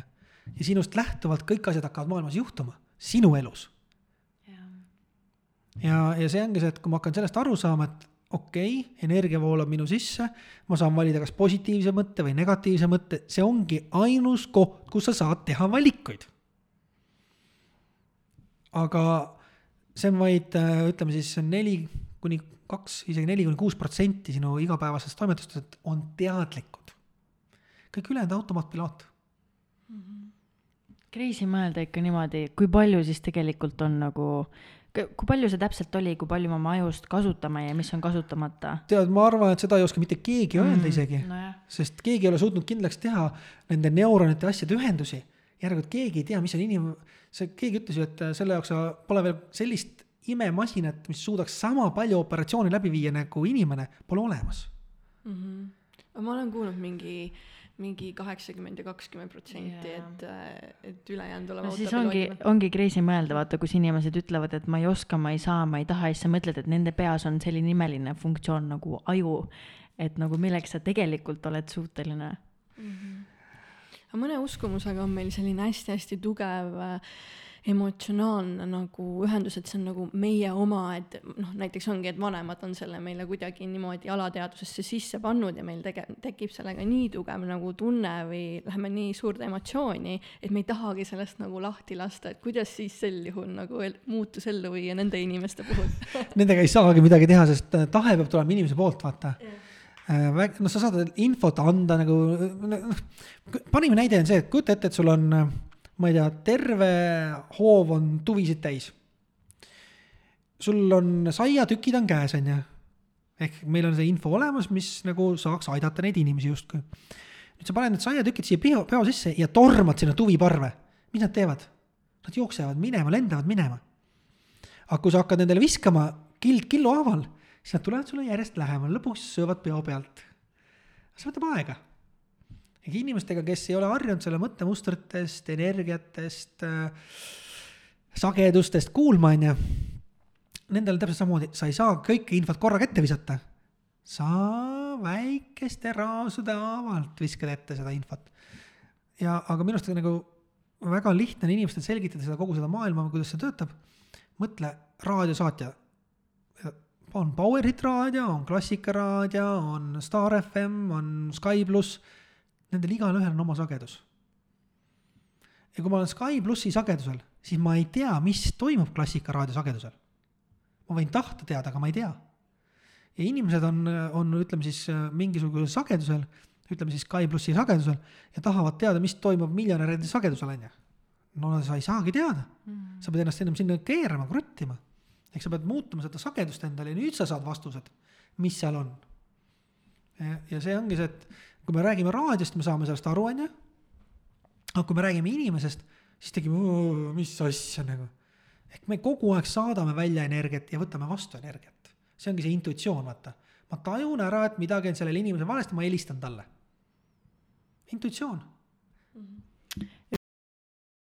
sellest, et see on see ja sa ei toida mind, siis sa teed kuskile nagu väikse kriipsukese või märke, et iga kord sa nagu okei okay,, nüüd see tuli ja siis sa nagu kogud neid ja lõpuks sa hakkadki nii teadlikult nagu aru saama ja neid jälgima, et lõpuks sa oskadki nagu, et kui see hakkab tulema, et sa saad aru, et see ei ole minu mõte, see ei kuulu mulle, see ei toeta mind ja nagu, et ma ei lase sellel mõttel tulla, et see on ka kuidagi nagu asjalik mõte olnud. see on enesega töö. just, täpselt. ega siis ilmaasjata Henry Ford ei öelnud juba kaua aega tagasi. Kõige raskem töö, mis maailmas on, on mõtlemine mm. -hmm. ja seetõttu nii vähesed inimesed sellega seotud ongi. ja sellepärast ongi maailmas vaid kolm protsenti inimesi, kes elavad nagu mängleva kergusega, on ju. ja üheksakümmend seitse protsenti, kes näevad vaeva. et minu küsimus on alati inimestele, kui mul on koolitused, et kas sa tahaksid kuuluda sinna, kus on kolm inimest ja jagatakse üheksakümmend seitse eurot? või tahad olla seal järjekorras, kus on üheksakümmend seitse inimest ja jagatakse kolm eurot mm.? Mm -hmm. et äh, valus küsimus, aga me peame tegema valikuid ja, ja kui me lähme, kuidas me läheme äh,, vastuollu üldlevinud arvamustega, on ju, tõekspidamistega siis me peame aru saama, et meid hakataksegi naeruvääristama. ja praegu on see sotsiaalmeedia asjad, need mõjutavad sinu arvamusi asjadest nii palju, kui sa teadlikult ei mõtle ja ei analüüsi, kas see ikka, mida räägitakse, on tõde või mitte mm. -hmm. et ei ole sellist kriitilist meelt, vaid võetaksegi, et aa, see ongi tõde. just, mulle väga meeldib, aasta oli kaks tuhat kaksteist, mul tuli üks sõber külla, ettevõtja ka Läksime sauna, ütleb, et sul on stress. mõtlesin, kust sa seda võtad? vaata ennast, mine peegli ette. mõtlesin, no natuke lisakilosid on tulnud. Sa vaatad uudiseid, jah? nojah. mida sa sealt otsid? mis mõttes, ma pean ju kursis olema, millega? no mis maailmas toimub ja mis see sulle kasu annab? ma ei tea, lõpeta uudiste vaatamine. pinge kaob, stress kaob, sa keskendud sellele, mida sa teed ja teed seda hästi ja pinge kaob. ja täpselt nii ongi. nii on jah, täiesti nõus. Ja sellest ajast alates ma ei ole nagu teadlikult jälginud ega kuulanud ega vaadanud, mis see uudistemaailm toimub. kõik see info, mis peab minuni jõudma, jõuab niikuinii. Nii crazy on praegu mõelda, et kunagi ka mul oli see harjumus, et hommikul esimese asjana Delfi või Postimees või Õhtuleht ja praegu nüüd, kui sa oled teadlik, nii crazy, mis tooni sa sead endale terveks päevaks, kui mm -hmm. sa mhm. ärkad üles, sa oled veel selles laines, kus sa võtad hästi palju infot ligi ja sa loed esimese asjana, et kolmsada inimest on surnud, naisi vägistatakse, pommid, nälg ja siis sa oled mingi okei okay,, ma lähen nii, siis nüüd alustan uudist. oma päeva ja et nagu praegu mõtled, et no absurd, vaata mina, ma ütleks, et Eestis oleks vaja sellist asja, nagu on Dubais. paks, jumalast paks lehe, leht on ju, päevaleht. Äh, üheksakümmend üheksa koma üheksa protsenti on positiivsed uudised. ja kõige lõpus viimase lehe peal on midagi nagu mainitud nagu mis noh, aga kõik ülejäänud leht on positiivne ja siis meile öeldakse, aga sellist lehte ju keegi ei ostaks. loomulikult, kui konkurent pakub negatiivset, ostetakse negatiivset, aga kujutage ette, et kõik lehed hakkavad rääkima positiivseid asju. Draama ju toidab muidugi. Hans H. Luik tegi kunagi koolitust, kus ma käisin, ta ütles, et negatiivne müüb müübki, see ongi tõsi. ma mäletan mingit hästi pikka artiklit, kus oli ka eh, toodud paralleeliks, et mis on parasjagu uudiste pealkirjad, kõik, mis olid halvad, ja siis oli toodud paralleeliks ka, et mis on maailmas hästi, et mis meil läheb nagu ühiskonnana hästi ja see tekitas nii hea tunde, et nagu vau wow,, meil on lootust, me oleme kuskile liikumas. mõtle, kui kõik inimesed alustaksid oma päeva sellega, et me oleme Mm. ühtsed, me oleme liikumas, kõik läheb paremaks. What? jooga, meditatsioon, kõik sellised asjad nagu aitavad sulle vaigistada seda välist ja leida sisemust. ja, ja vaigistada seda kogu aeg seda ahviaju ka nagu, kes meil kogu aeg ketrab neid mõtteid, et tulla lihtsalt nagu endasse. sest on teatud koolid on ka juba Eestis isegi omaks võtnud seda, et alustatakse päeva meditatsiooniga, jaa, nii lahe. et üliäge. Ja ma tegelikult näen äh, sind äh, ka kogu aeg äh,, mitte kogu aeg, aga nagu näen neid videosid, mis sa postitad sinna äh, enda lehele, kus sa Pärnus siis käid ringi, vaatad purskkaevu või vaatad lehti ja sul on alati mingi äge nagu lugu või mingi püanss seal rääkida. et äh, siit küsikski, et mis on sinu lemmikrutiin või harjumus, mida sa iga päev praktiseerid? õppimine, päriselt ka, õppimine äh, coaching'u grupiga koos, kes vähegi tahavad, siis hommikul kell kuus me õpime, kuuest seitsmeni äh,. siis äh, isegi laupäev, pühapäev, kui ma nendega koos nii-öelda ei ole, on ju, siis ikkagi ma võtan mingi raamatu, ma mõtlen mingeid asju läbi enda jaoks, on ju, ehk ma hoian fookust sellel, mida ma tahan kogu aeg. ja ma arvan, et see ongi see, mis inimene peaks tekitama mõtlemisharjumuse. mõelda oma päevalt ette läbi, mismoodi sa tahad, et see läheks, on ju, mitte et ma tean, et see läheb nii, sest mineviku kogemused räägivad naa, on ju. see on minevik, me lähtume, me elame ju hetkes, praegu, nüüd ja siin. miks ma pean muretsema selle pärast, mis tulevikus juhtub? okei okay,, ma võin olla, mõelda, et okei okay,, mis ma saaksin teha, et see läheks paremini, see on okei okay,, on ju mõelda. ja mul on minevik ja me kogu aeg vaatame minevikku ja ütleme, et aga ma ju ei ole selline, näe, ma olen selline, on ju. ehk kolmes aja vormis kogu aeg elame, aga tegelikult me peaksime elama ühes. sest kui me oleme minevikus või tulevikus, siis me ei saa hetkes viibida mõelge auto peale, kui sa sõidad autoga korraks nuuskad nina või aevastad. ma ei kujuta ette, kui palju meetreid sa ei ole mitte midagi ei teadnud, mis juhtus.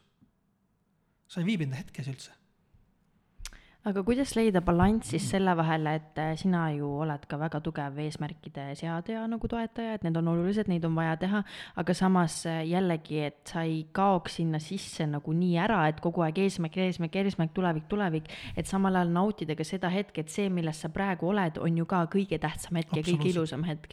et kuidas nagu selle vahel nagu ütleme, balansseerida. selle kohta on olemas üks väga hea harjutus, tänulikkuse harjutus mm ehk hommikune rutiin ka, mida ma soovitan inimestele, kui sa tõused üles hommikul, isegi kui sa midagi ei õpi või midagi ei tee, võta oma see, ma ei tea, viisteist, kakskümmend minutit aega. tõused üles, on ju, võtad paberi ja pliiatsi, võib-olla paned hea muusika, kui tahad. ja mõtle, mis on need kümme asja, mille eest ma tänulik olen. viis asja võiks olla sellised, mis sul on juba olemas, ma ei tea, auto, kodu, riided, ma ei tea, nina, kõrvad, on ju. inimesed mõtlevad, aga mille eest ma siis tänulik olen, mul ei ole nii palju asju, mille eest tänulik olla oota, sul on kümme sõrme, ole iga sõrme eest eraldi tänulik, kui tahad, noh. sul on kümme varvast, väga paljudel ei ole, on ju.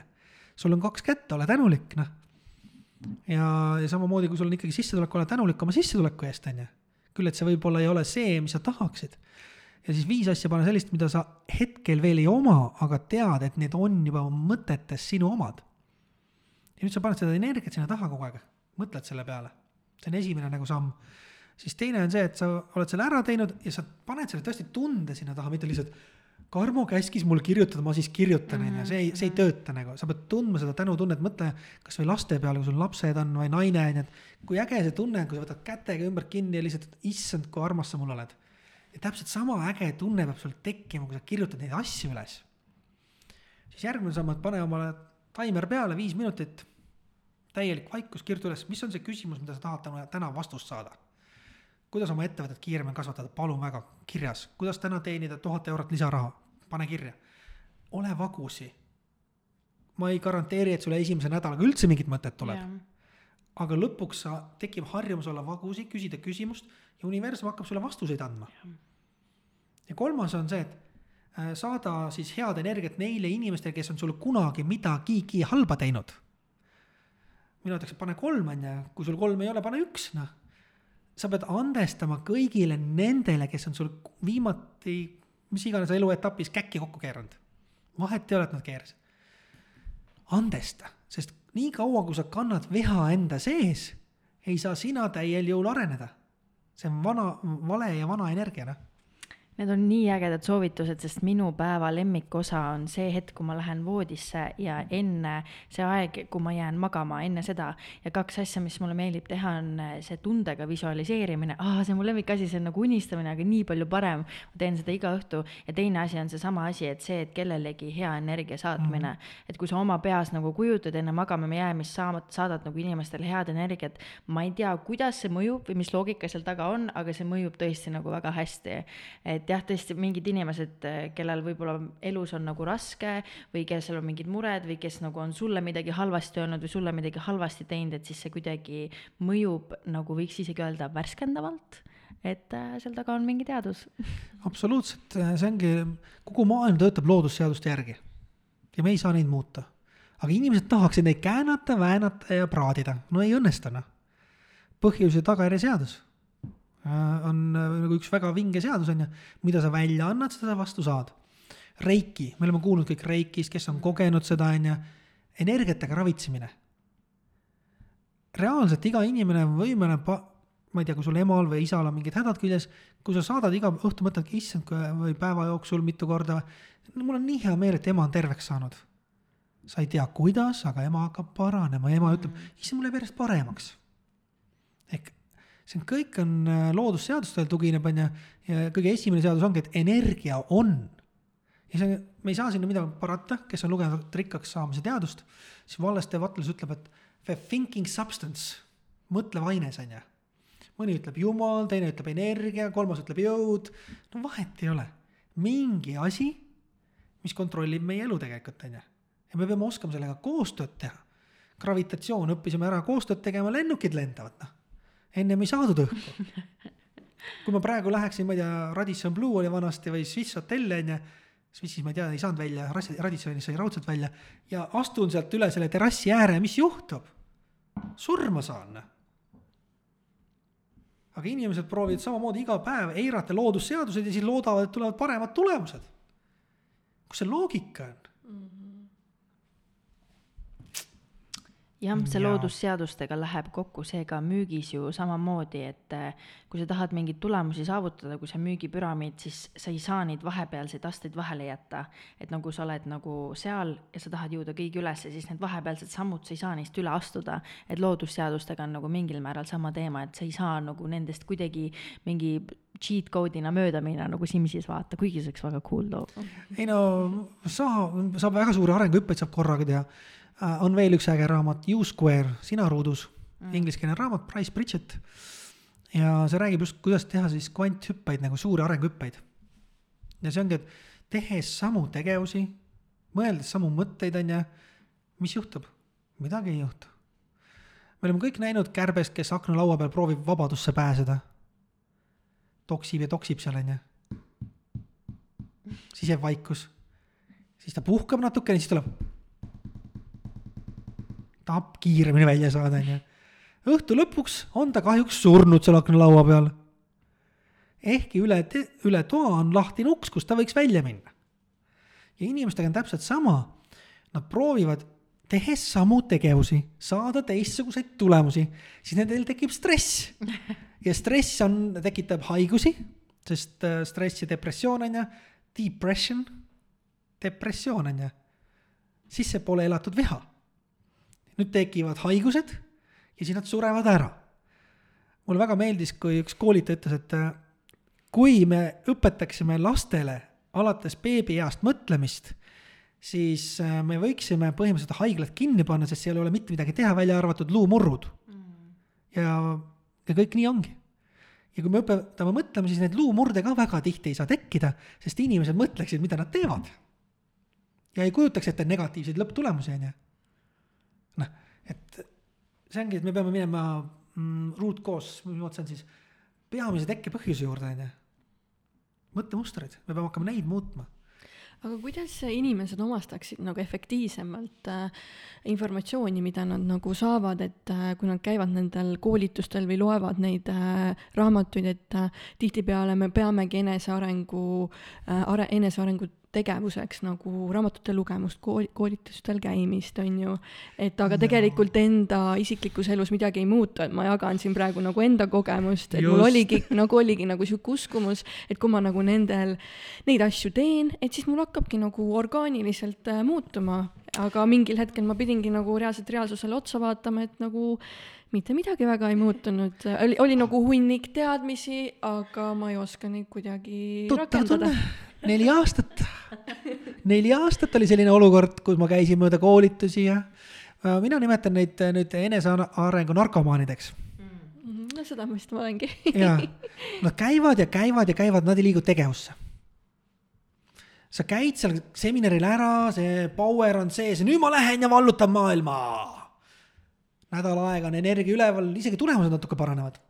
ja siis enam ei lähe nii hästi ja energia läheb alla, sest sa oled ümbritsetud valede inimeste asjadega ja, ja siis sa oled tagasi seal mugavustsoonis ja valusalt tunnen ära ennast jaa, ehk siin tulevadki mängi need tegelikult coach'id ja asjad, vaata, et, et ma võin olla ju väga tugev, ma käin nendel koolitustel, aga kas sa oled nii tugev, distsiplineeritud, et sa annad omale korralduse, teed ka seda? miks sul on personaaltreenerit jõusaalis vaja? ma võiksin ise käia seal mm. -hmm. aga kui sa oled lubanud mingile inimesele, et sa kindlal kellaajal käid kolm korda nädalas, no katsu sinna minna, sa maksad treeneri niikuinii, kas sa lähed sinna või ei lähe. ja nüüd sul tekib enesedistsipliin ja nüüd ma hakkan käima ja lõpuks tekib mõnutunne sellest asjast, et oi kui äge on. ja nüüd sul polegi enam treenerit vaja, onju. Ja nüüd sa mõtled, issand, aga tegelikult ma tahaks, ma ei tea, tõstmises mingi maailmameistriks saada, mis iganes, onju. nüüd sa võtad omale professionaalse treeneri, kes sul õpetab tõstmist mm -hmm.. alguses sa käid lihtsalt, et head tunnet saada ja mõnus oleks ja, ja vormis oleksid, onju. aga nüüd sa lähed väga spetsiifiliseks. see on nagu ettevõttega, et ma tahan ettevõtet rajada, okei okay,, rajan ettevõtte, onju, elan ära ka, aga mis sa edasi tahad teha mm? -hmm mis väärtust sa tahad inimestele pakkuda. et see ongi see, et äh, seal on vaja süsteemsust. Ja mis mulle meeldibki coaching ute puhul, kui on, noh, peab olema süsteem. ja see, mida mina õpetan, see on ikkagi Bob Proctor ja tema meeskonna poolt koostatud, on ju, rohkem kui kuuskümmend aastat kogemusi. ja see töötab, ma ju näen iga inimese peal, kes seda kasutab, on ju, et kui sa jääd õppima, siis sa jäädki õppima, sa pead tegevusse liikuma mm. -hmm see, sealt tekib nii mugav tunne, sul on nii hea olla, sest ma vaatasin järgmise filmi, Youtube'i video oh.. no just, et sa jääd sellesse meelelahutusse tegelikult mingis mõttes, et see lõpuks on sulle nagu meelelahutus mm, -hmm. et, et seda ma olen enda puhul küll nagu tunnetanud, et äh, aga kas sinu arvates siis on hea õppimismeetod nagu, et sa kirjutad üles, sest et ta, öeldakse, et kui sa kirjutad üles samal ajal, kui inimene hetkes räägib, et siis sa ei ole ise hetkes et mulle väga meeldib vaadata äh, webinare või siis live streaming uid, miks? ma saan pausi peale panna, ma mm -hmm. alati pooldan neid äh, koolitusi, mis ma ostan nagu ka üle, üle maailma, kus on siis, et sa saad osaleda laivis, on ju, ja sulle saadetakse pärast järelvaatamise link kolmkümmend päeva midagi. sest nüüd ma saan pausi peale panna, ma saan läbi mõelda, ma saan selle eesti keelde panna. meie alateadus töötab eesti keele peal kõige paremini. me vaatame küll inglise keeles, me saame aru aga midagi kohale ei jõua tegelikult. sest kui oleks kohale jõudnud, siis me oleks juba tegevusse liikunud mm..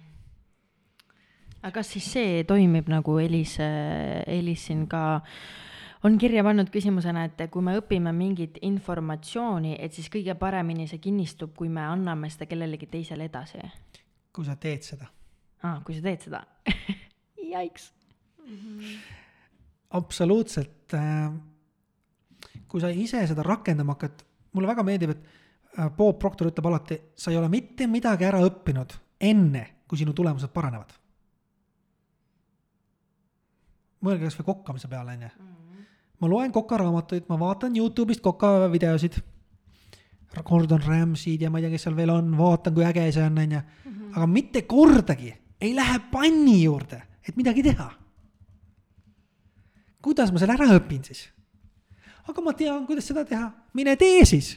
No see ongi jälle see tegemine ja, ja teadmine, et, et kui ma nagu tean, aga ma ei tee, tee, tee seda, siis tegelikult ma ei tea. see on täpselt seesama teema. Ja ma just kirjutasin eh, oma blogipostituse või postitusega sellele enda lehele, et. et, et, et inimesed, kes loevad aastast aastasse raamatus, aga mitte midagi ei tee, on täpselt samaväärsed kui inimesed, kes pole kunagi raamatut lugenud. Nad räägivad küll tarka juttu, võivad rääkida sulle ja, aga tegelikult, et näita mulle oma tulemusi mul on täpselt see, et äh, minu juurde jõuab järjest ja järjest rohkem inimesi, kes on tegelikult väga edukad. Nad on samamoodi kinni jäänud kuhugi, vaata. ükskõik, ma ütlen, kas sa teenid siis ma ei tea, ütleme kümme tuhat eurot aastas või sada tuhat eurot aastas või miljon eurot aastas, vahet ei ole, on ju. kui sa oled sama, sama numbrit teeninud juba aastast aastasse, siis sa oled kinni jäänud. järelikult sul ei toimu arengut, on ju, järelikult sa muutud rahulolematuks järelikult see hakkab väljenduma taaskord stressis, jälle haigustes. see on nagu nokk kinni, saba lahti, ehk inimesed põhiolemus tegelikult on, on äh, looduses ju kasvab. kas ta kasvab või kahaneb, on ju. ja kui mina inimesena ei kasva, siis järelikult ma hakkan kohe kahanema. ja mul on kogu aeg rahulolematus, sest äh, see on inimese loomupärane algem, ma tahe kasvada ja kui me ei kasva, sellepärast ma tundsin ka kuskil tööl olles, vaata, et kui sa ei arene nagu viis aastat käid ja tegelikult sa ei arene mitte üheski suunas. sa tunned järjest rohkem seda rahulolematust. aga mida kauemaks sa jääd, seda raskem on sealt ka ära tulla. muidugi, ma vaatan mõnes ehitusettevõttes, ehitusettevõttes, ehituspoes müüjad on seitseteist, kaheksateist aastat seal olnud. sest ma tean täpselt, nad on sama kaua olnud, kui mina olen Pärnus elanud, kaheksateist, üheksateist aastat nüüd. Nad on ikka veel seal, nad ei ole küll väga rahul, aga nad on seal. okei okay jah, jah, mul juba esimese aastaga tegelikult tekib, tekib rahulolematus et äh, kui sa, kui sa nagu firma sees, ma ei ütle midagi paha, halva, halva selle palgatöö kohta, aga firma peab andma sulle võimaluse kasvada, vaata. areneda, äh, midagi rohkemat teha, äh, vastutust, siis sa tunned, et sa kasvad mm.. mulle väga meeldib see õppemeetod, et viskame sind vette ja uju välja või ei uju, on ju. Mhm. igal pool, kus ma olen tööle läinud, ma olen välja ujunud vot äh, sellepärast ma tohutult äh, ka austan ja naudin müügitööd, sest see on minu jaoks äh, väga ebamugav, see on väga mugavustsoonist väljas, aga see on miski, kus ma tean, et mul ei tule seinu, limiite, piiranguid ega arengu mõttes nagu mingit, ütleme, mingit kasti ei tule ette, et su mm. võid teha tulemusi nii palju, kui sa tahad, sa võid areneda, sa saad alati iga päev areneda. ma ütlen sulle, müügiinimesi ma olen näinud, nad ütlevad, aga niikuinii rohkem ei saa, kui ma nüüd rohkem mm. teen, siis järgmine aasta on see norm ja siis ma mäletan ise, kus ma, ma ei hakka ettevõtteid nimetama, onju. et ära müü nii palju, järgmine aasta on see sinu norm ja sa pead jälle üle müüma, et selleks, et palka saada, ma ütlesin, et tead, kui ma müün, siis ma müün. ma võtsin oma, mul oli kalender, märkmik ja päeva jooksul ma vaatasin, palju ma suudan, tehti ise tellimusi, onju, firmad tegid, ma ei jõua kõike läbi helistada iga päev. ja siis ma võtsin lihtsalt ette, okei okay,, ma valin välja need ettevõtted, ma helistan neile, pakun neile mingit võimalust müüke suurendada. mitte, et mina tahan müüki suurendada, ma tahan, et nemad müüksid rohkem vaata, see ongi see, vaata, koos, kellega sa müüki teed ka, et kui sul on ümber nagu samamoodi mõtlevad inimesed, kes tahavad areneda, paremaid tulemusi teha, te saate hommikul kaks tundi enne tööd kokku, laupäeviti teete kõnesid, siis nagu see on nii ideaalne koht, kus olla, sest sa tunnedki, et sa oled nagu, ma ei tea, sõiduvees vaata mm, -hmm. et ongi, et nagu see, et saada mingi tööpäev hakkab üheksa ja te saate mingi kell seitse kokku, see ei tundu nagu imelik, vaata, et ongi, et miks me ei peaks nagu kokku saama, eesmärke panema ja mingi areneda. ühesõnaga. hoopis teine just, et ma tahtsin seda küsida, et see läheb meie eelmise teemaga natuke kokku et mingil määral see eneseareng on natuke, ma tunnen, seotud ka nagu egoga, et nagu kui sa loed raamatuid ja teed koolitusi, et sa saad öelda, et mingi ah, et jaa, ma tegelen enesearenguga, et ma olen neid ja neid asju nagu mingi loenud ja mingi vaadanud ja ma olen ikka nii tubli. aga noh, tegelikult ongi ilmselgelt seal sees on nagu sinu sees on sügavamal midagi peidus, mis vajab nagu tegelemist. et samamoodi nagu sa mainisid, et sinu see Bob Proctori nagu süsteem nagu toimib, aga nagu kõikidel inimestel on ju vaja enesearengu mõttes nagu sa ei saa kõiki vaata ühe pulgaga lüüa, vaid kõigi kõigi jaoks on eneseareng ikkagi nii personaalne. et ma tahtsingi küsida, et või noh, selles mõttes, et inimene peab ju tegelema sellega, millega tal on vaja tegeleda. et ma tahtsingi küsida, et kuidas sinul see käib, kas see Pro Proctori teema siis tõesti nagu sobib kõigile või kuidas sina oma coaching us nagu lähened? absoluutselt kõigile sobib, sest vaata iga inimene tuleb oma pagasiga ma ei õpeta inim-, ma, ma, ma ei ütle inimesele, mida ta peab mõtlema mm. -hmm. ma õpetan, kuidas ta peab mõtlema. seal ongi vahe, et ma mõtlen sellest, mida ma tahan, onju ja kui ma rõh-, ikkagi inimesele seda rõhun kuus kuni kaksteist kuud, no see jääb külge lõpuks, ta hakkab mõtlema sellest, mida ta tahab. ja nüüd hakkavad tulemused tulema, ma ju olen näinud äh, sellise saja tuhandese käibega ettevõtte miljon eurot kasumit järgmine aasta on ju, no. mis mõttes nagu, kõik on võimalik, miljoni eurose käibega ettevõte liigub väga jõudsalt kümne miljoni poole on ju kahe aastaga et äh, need ei ole ja need on tootmisettevõtted, järelikult nad, ei saa laieneda lihtsalt müües, on ju. Nad peavad midagi tootma, kui nad tahavad oma tootmist nagu ehk ja tõesti nagu kõige vanem, kes mul on ka Sirje, issand, ma võin valetada Sirje kohta, palun vabandust, kuuskümmend kaheksa või kuuskümmend üheksa. ahaa meile loeti enne sõnad peale, on ju. väga äge ja ta tegi oma ettevõtte kuuekümne seitsme aastaselt. Pärnus juustupood, tulge Pärnusse juustupoodi, te peate minema, seal on super teenindus. tema müügid on Eesti ühed parimad, teda, talle pakutakse, et võta järgmises linnas frantsiisi, ta, mõtlesin, kas sa tahad seda? ei taha, mõtlesin, mis siis mõtled rohkem? et mõtle, mis sortimenti sa saad oma poodi tuua, et inimesed saaksid sinu käest erinevaid asju veel, on ju. nüüd tal peaks tulema mingi koolitus veinide ja juustudega, on ju. kõik need on saanud lihtsalt ja natuke, et ma elan oma unistuste elu, ma saan toetada oma lapsi ja lapselapsi ja muidu peaks olema, et lapsed ja lapselapsed toetavad vanaemaid, onju. tema saab neid toetada, onju. see on kõige suurem vale üldse, kui inimesed ütlevad, et ma olen juba liiga vana ja liiga hilja. Crazy ikka. ma vaatan, mul on kogu aeg nagu on silme ees ju Bob Proctor onju. nüüd ta on siis kaheksakümmend seitse. Come on nagu, kus see vanusepiir siis jookseb, onju kõik on võimalik. et ma sain kaheksakümne kahe aastaselt temaga tuttavaks, ta oli vitaalne, täis elujõudu. aga need inimesed, kes teevad seda, mida nad armastavad, nad ongi vitaalsed, täis elujõudu. Nad tahavad elada, nad tahavad mingi ühiskonda panustada, teha midagi. aga need, kes ootan pensioni no need ootavadki pensioni, kui pension tuleb, siis nad on tervisehädad küljes no, ja nii edasi, noh. Need ongi elavad surnud, nad nagu elavad, aga sisemiselt on surnud. mina ütlen alati, et äh, kõigil on võimalus teha zombitest teate, mis on zombitest, on ju? no sa võid natuke kirjeldada võtad kaks tuhat seitseteist, paned paberi peale kaks tuhat seitseteist, kaks tuhat kaheksateist, kaks tuhat üheksateist, kaks tuhat kakskümmend, kaks tuhat kakskümmend üks. ja nüüd sa kirjutad sinna taha, palju sa teenisid sel aastal. ja kui number on kogu aeg sama, siis sa oled zombi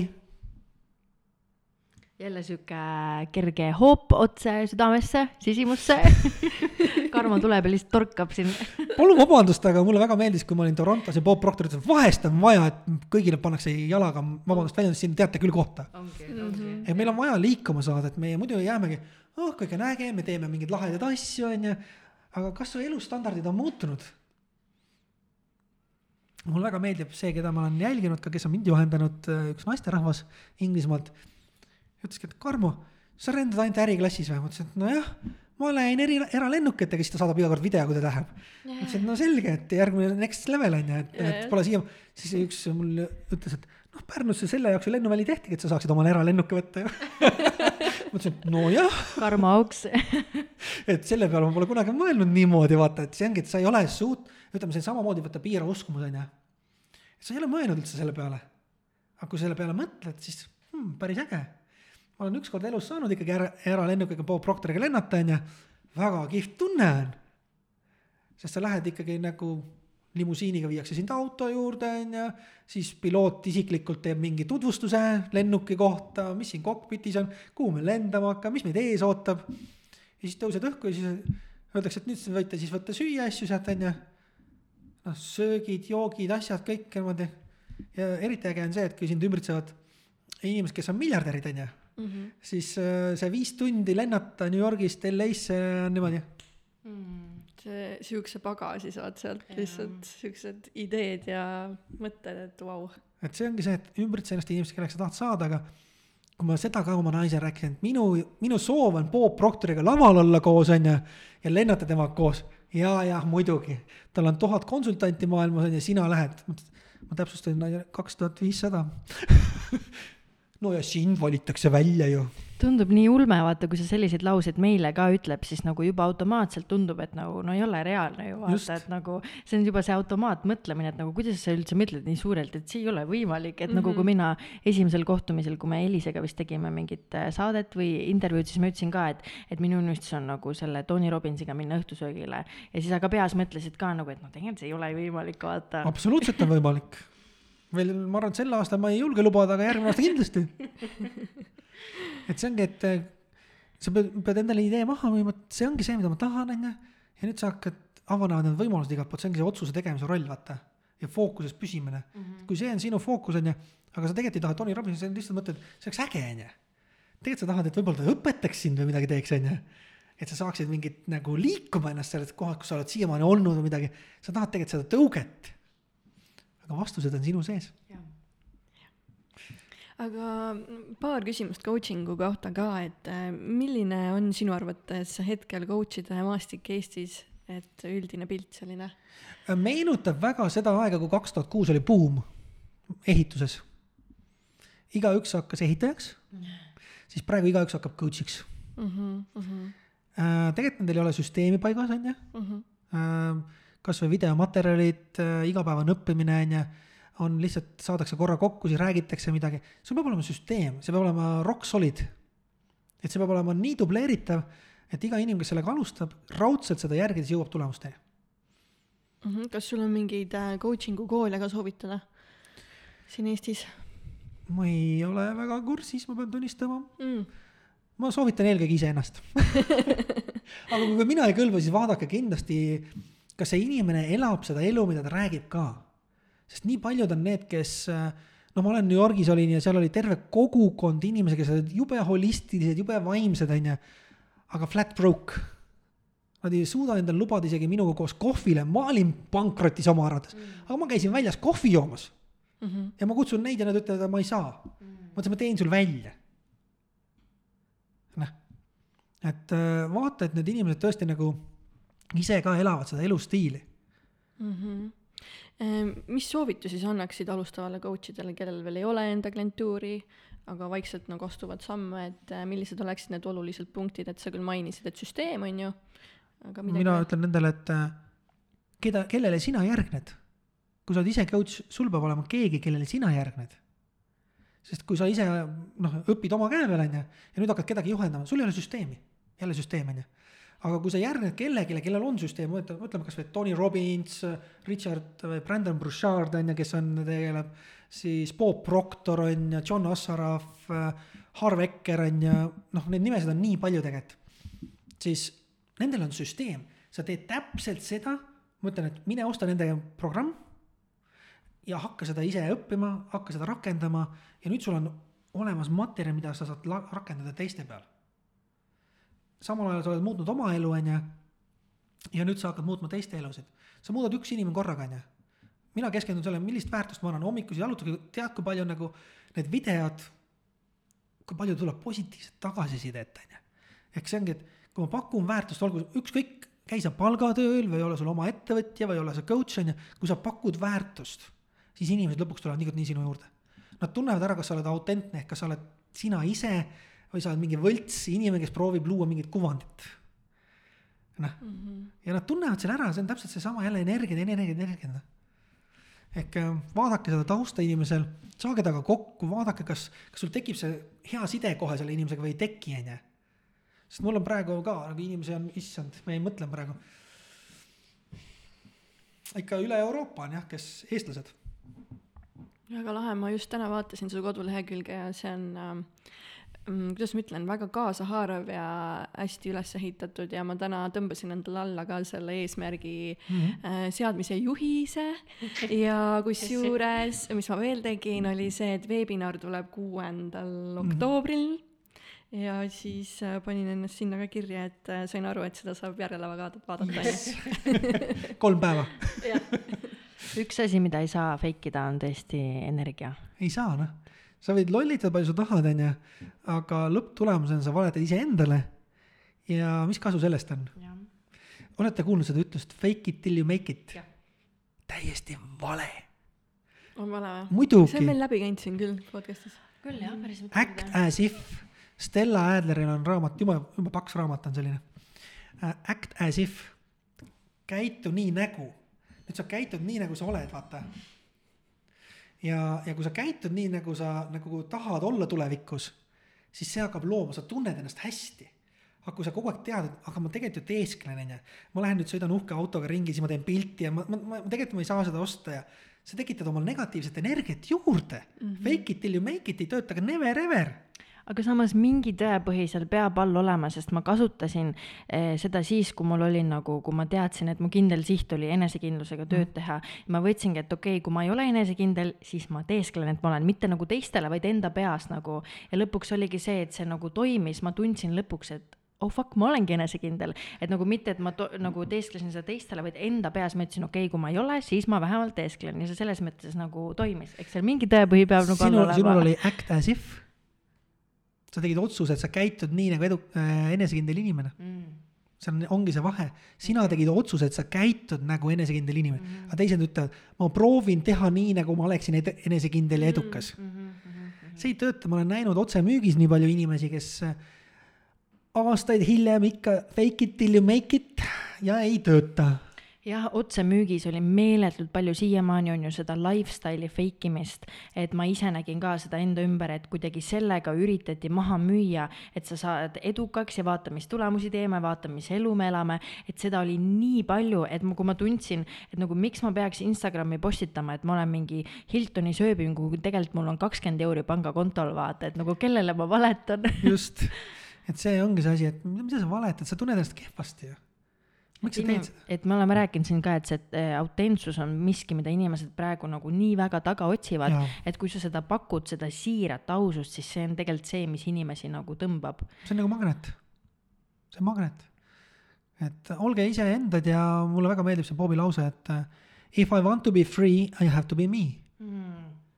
kui ma tahan olla vaba, siis ma pean olema mina, mitte see mina, mis sina arvad minust või keegi teine arvab minust, vaid see mina, kes tahan olla mina. Et see, see on nagu minu arust nagu jälle rusikas silmaauku, ma ütleks.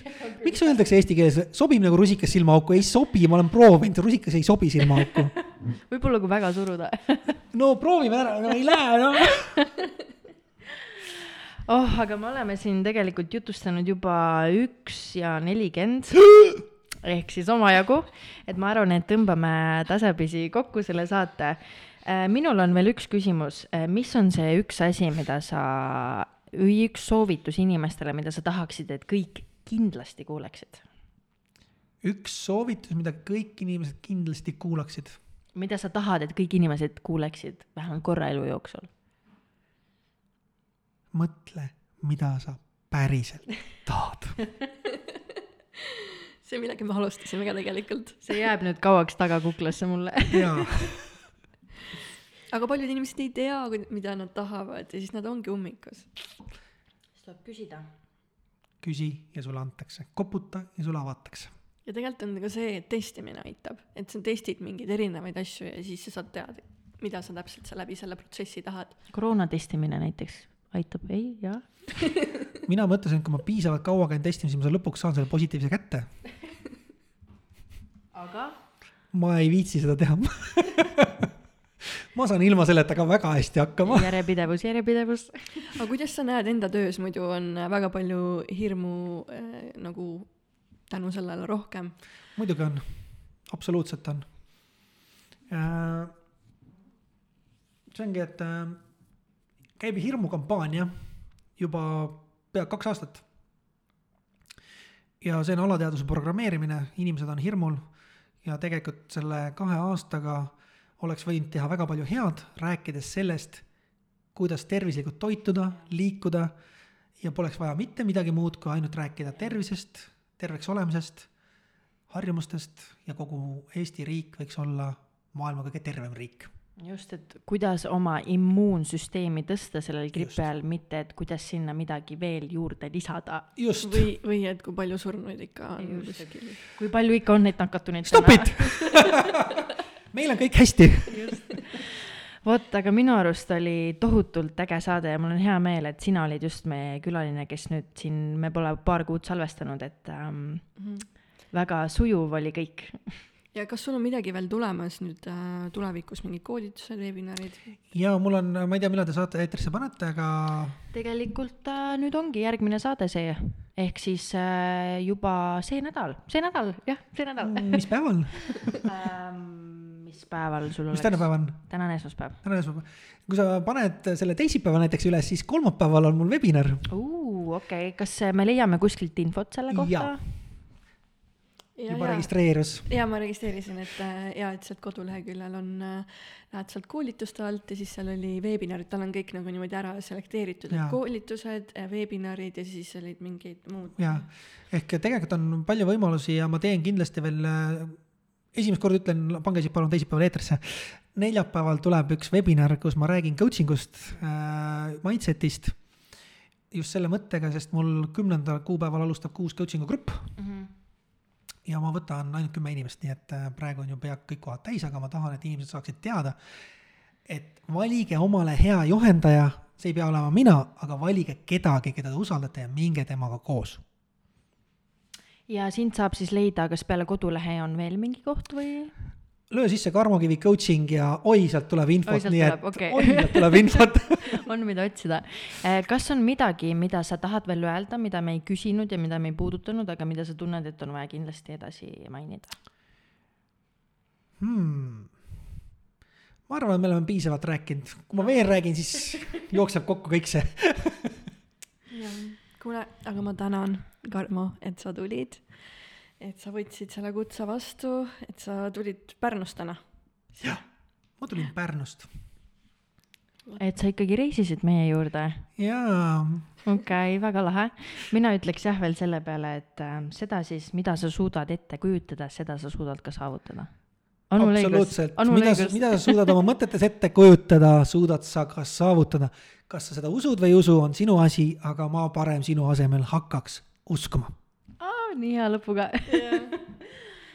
vot, aga siis on nii, aitäh Elis toreda saate eest, aitäh Karmo, kuulajad, kui teile see saade meeldis, siis jagage, share ige, like ige, andke meile tagasisidet, kindlasti ootame ka teie review sid, külaliste soovitusi.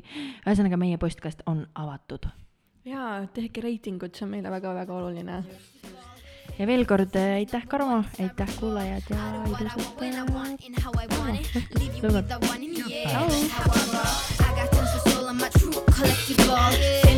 Famous number one desirable. I do what I want when I want and how I want it. Leave you with the one in the air, that's how I roll. I got change to throw, I don't care about no gold. Better, so much better, flipping credible.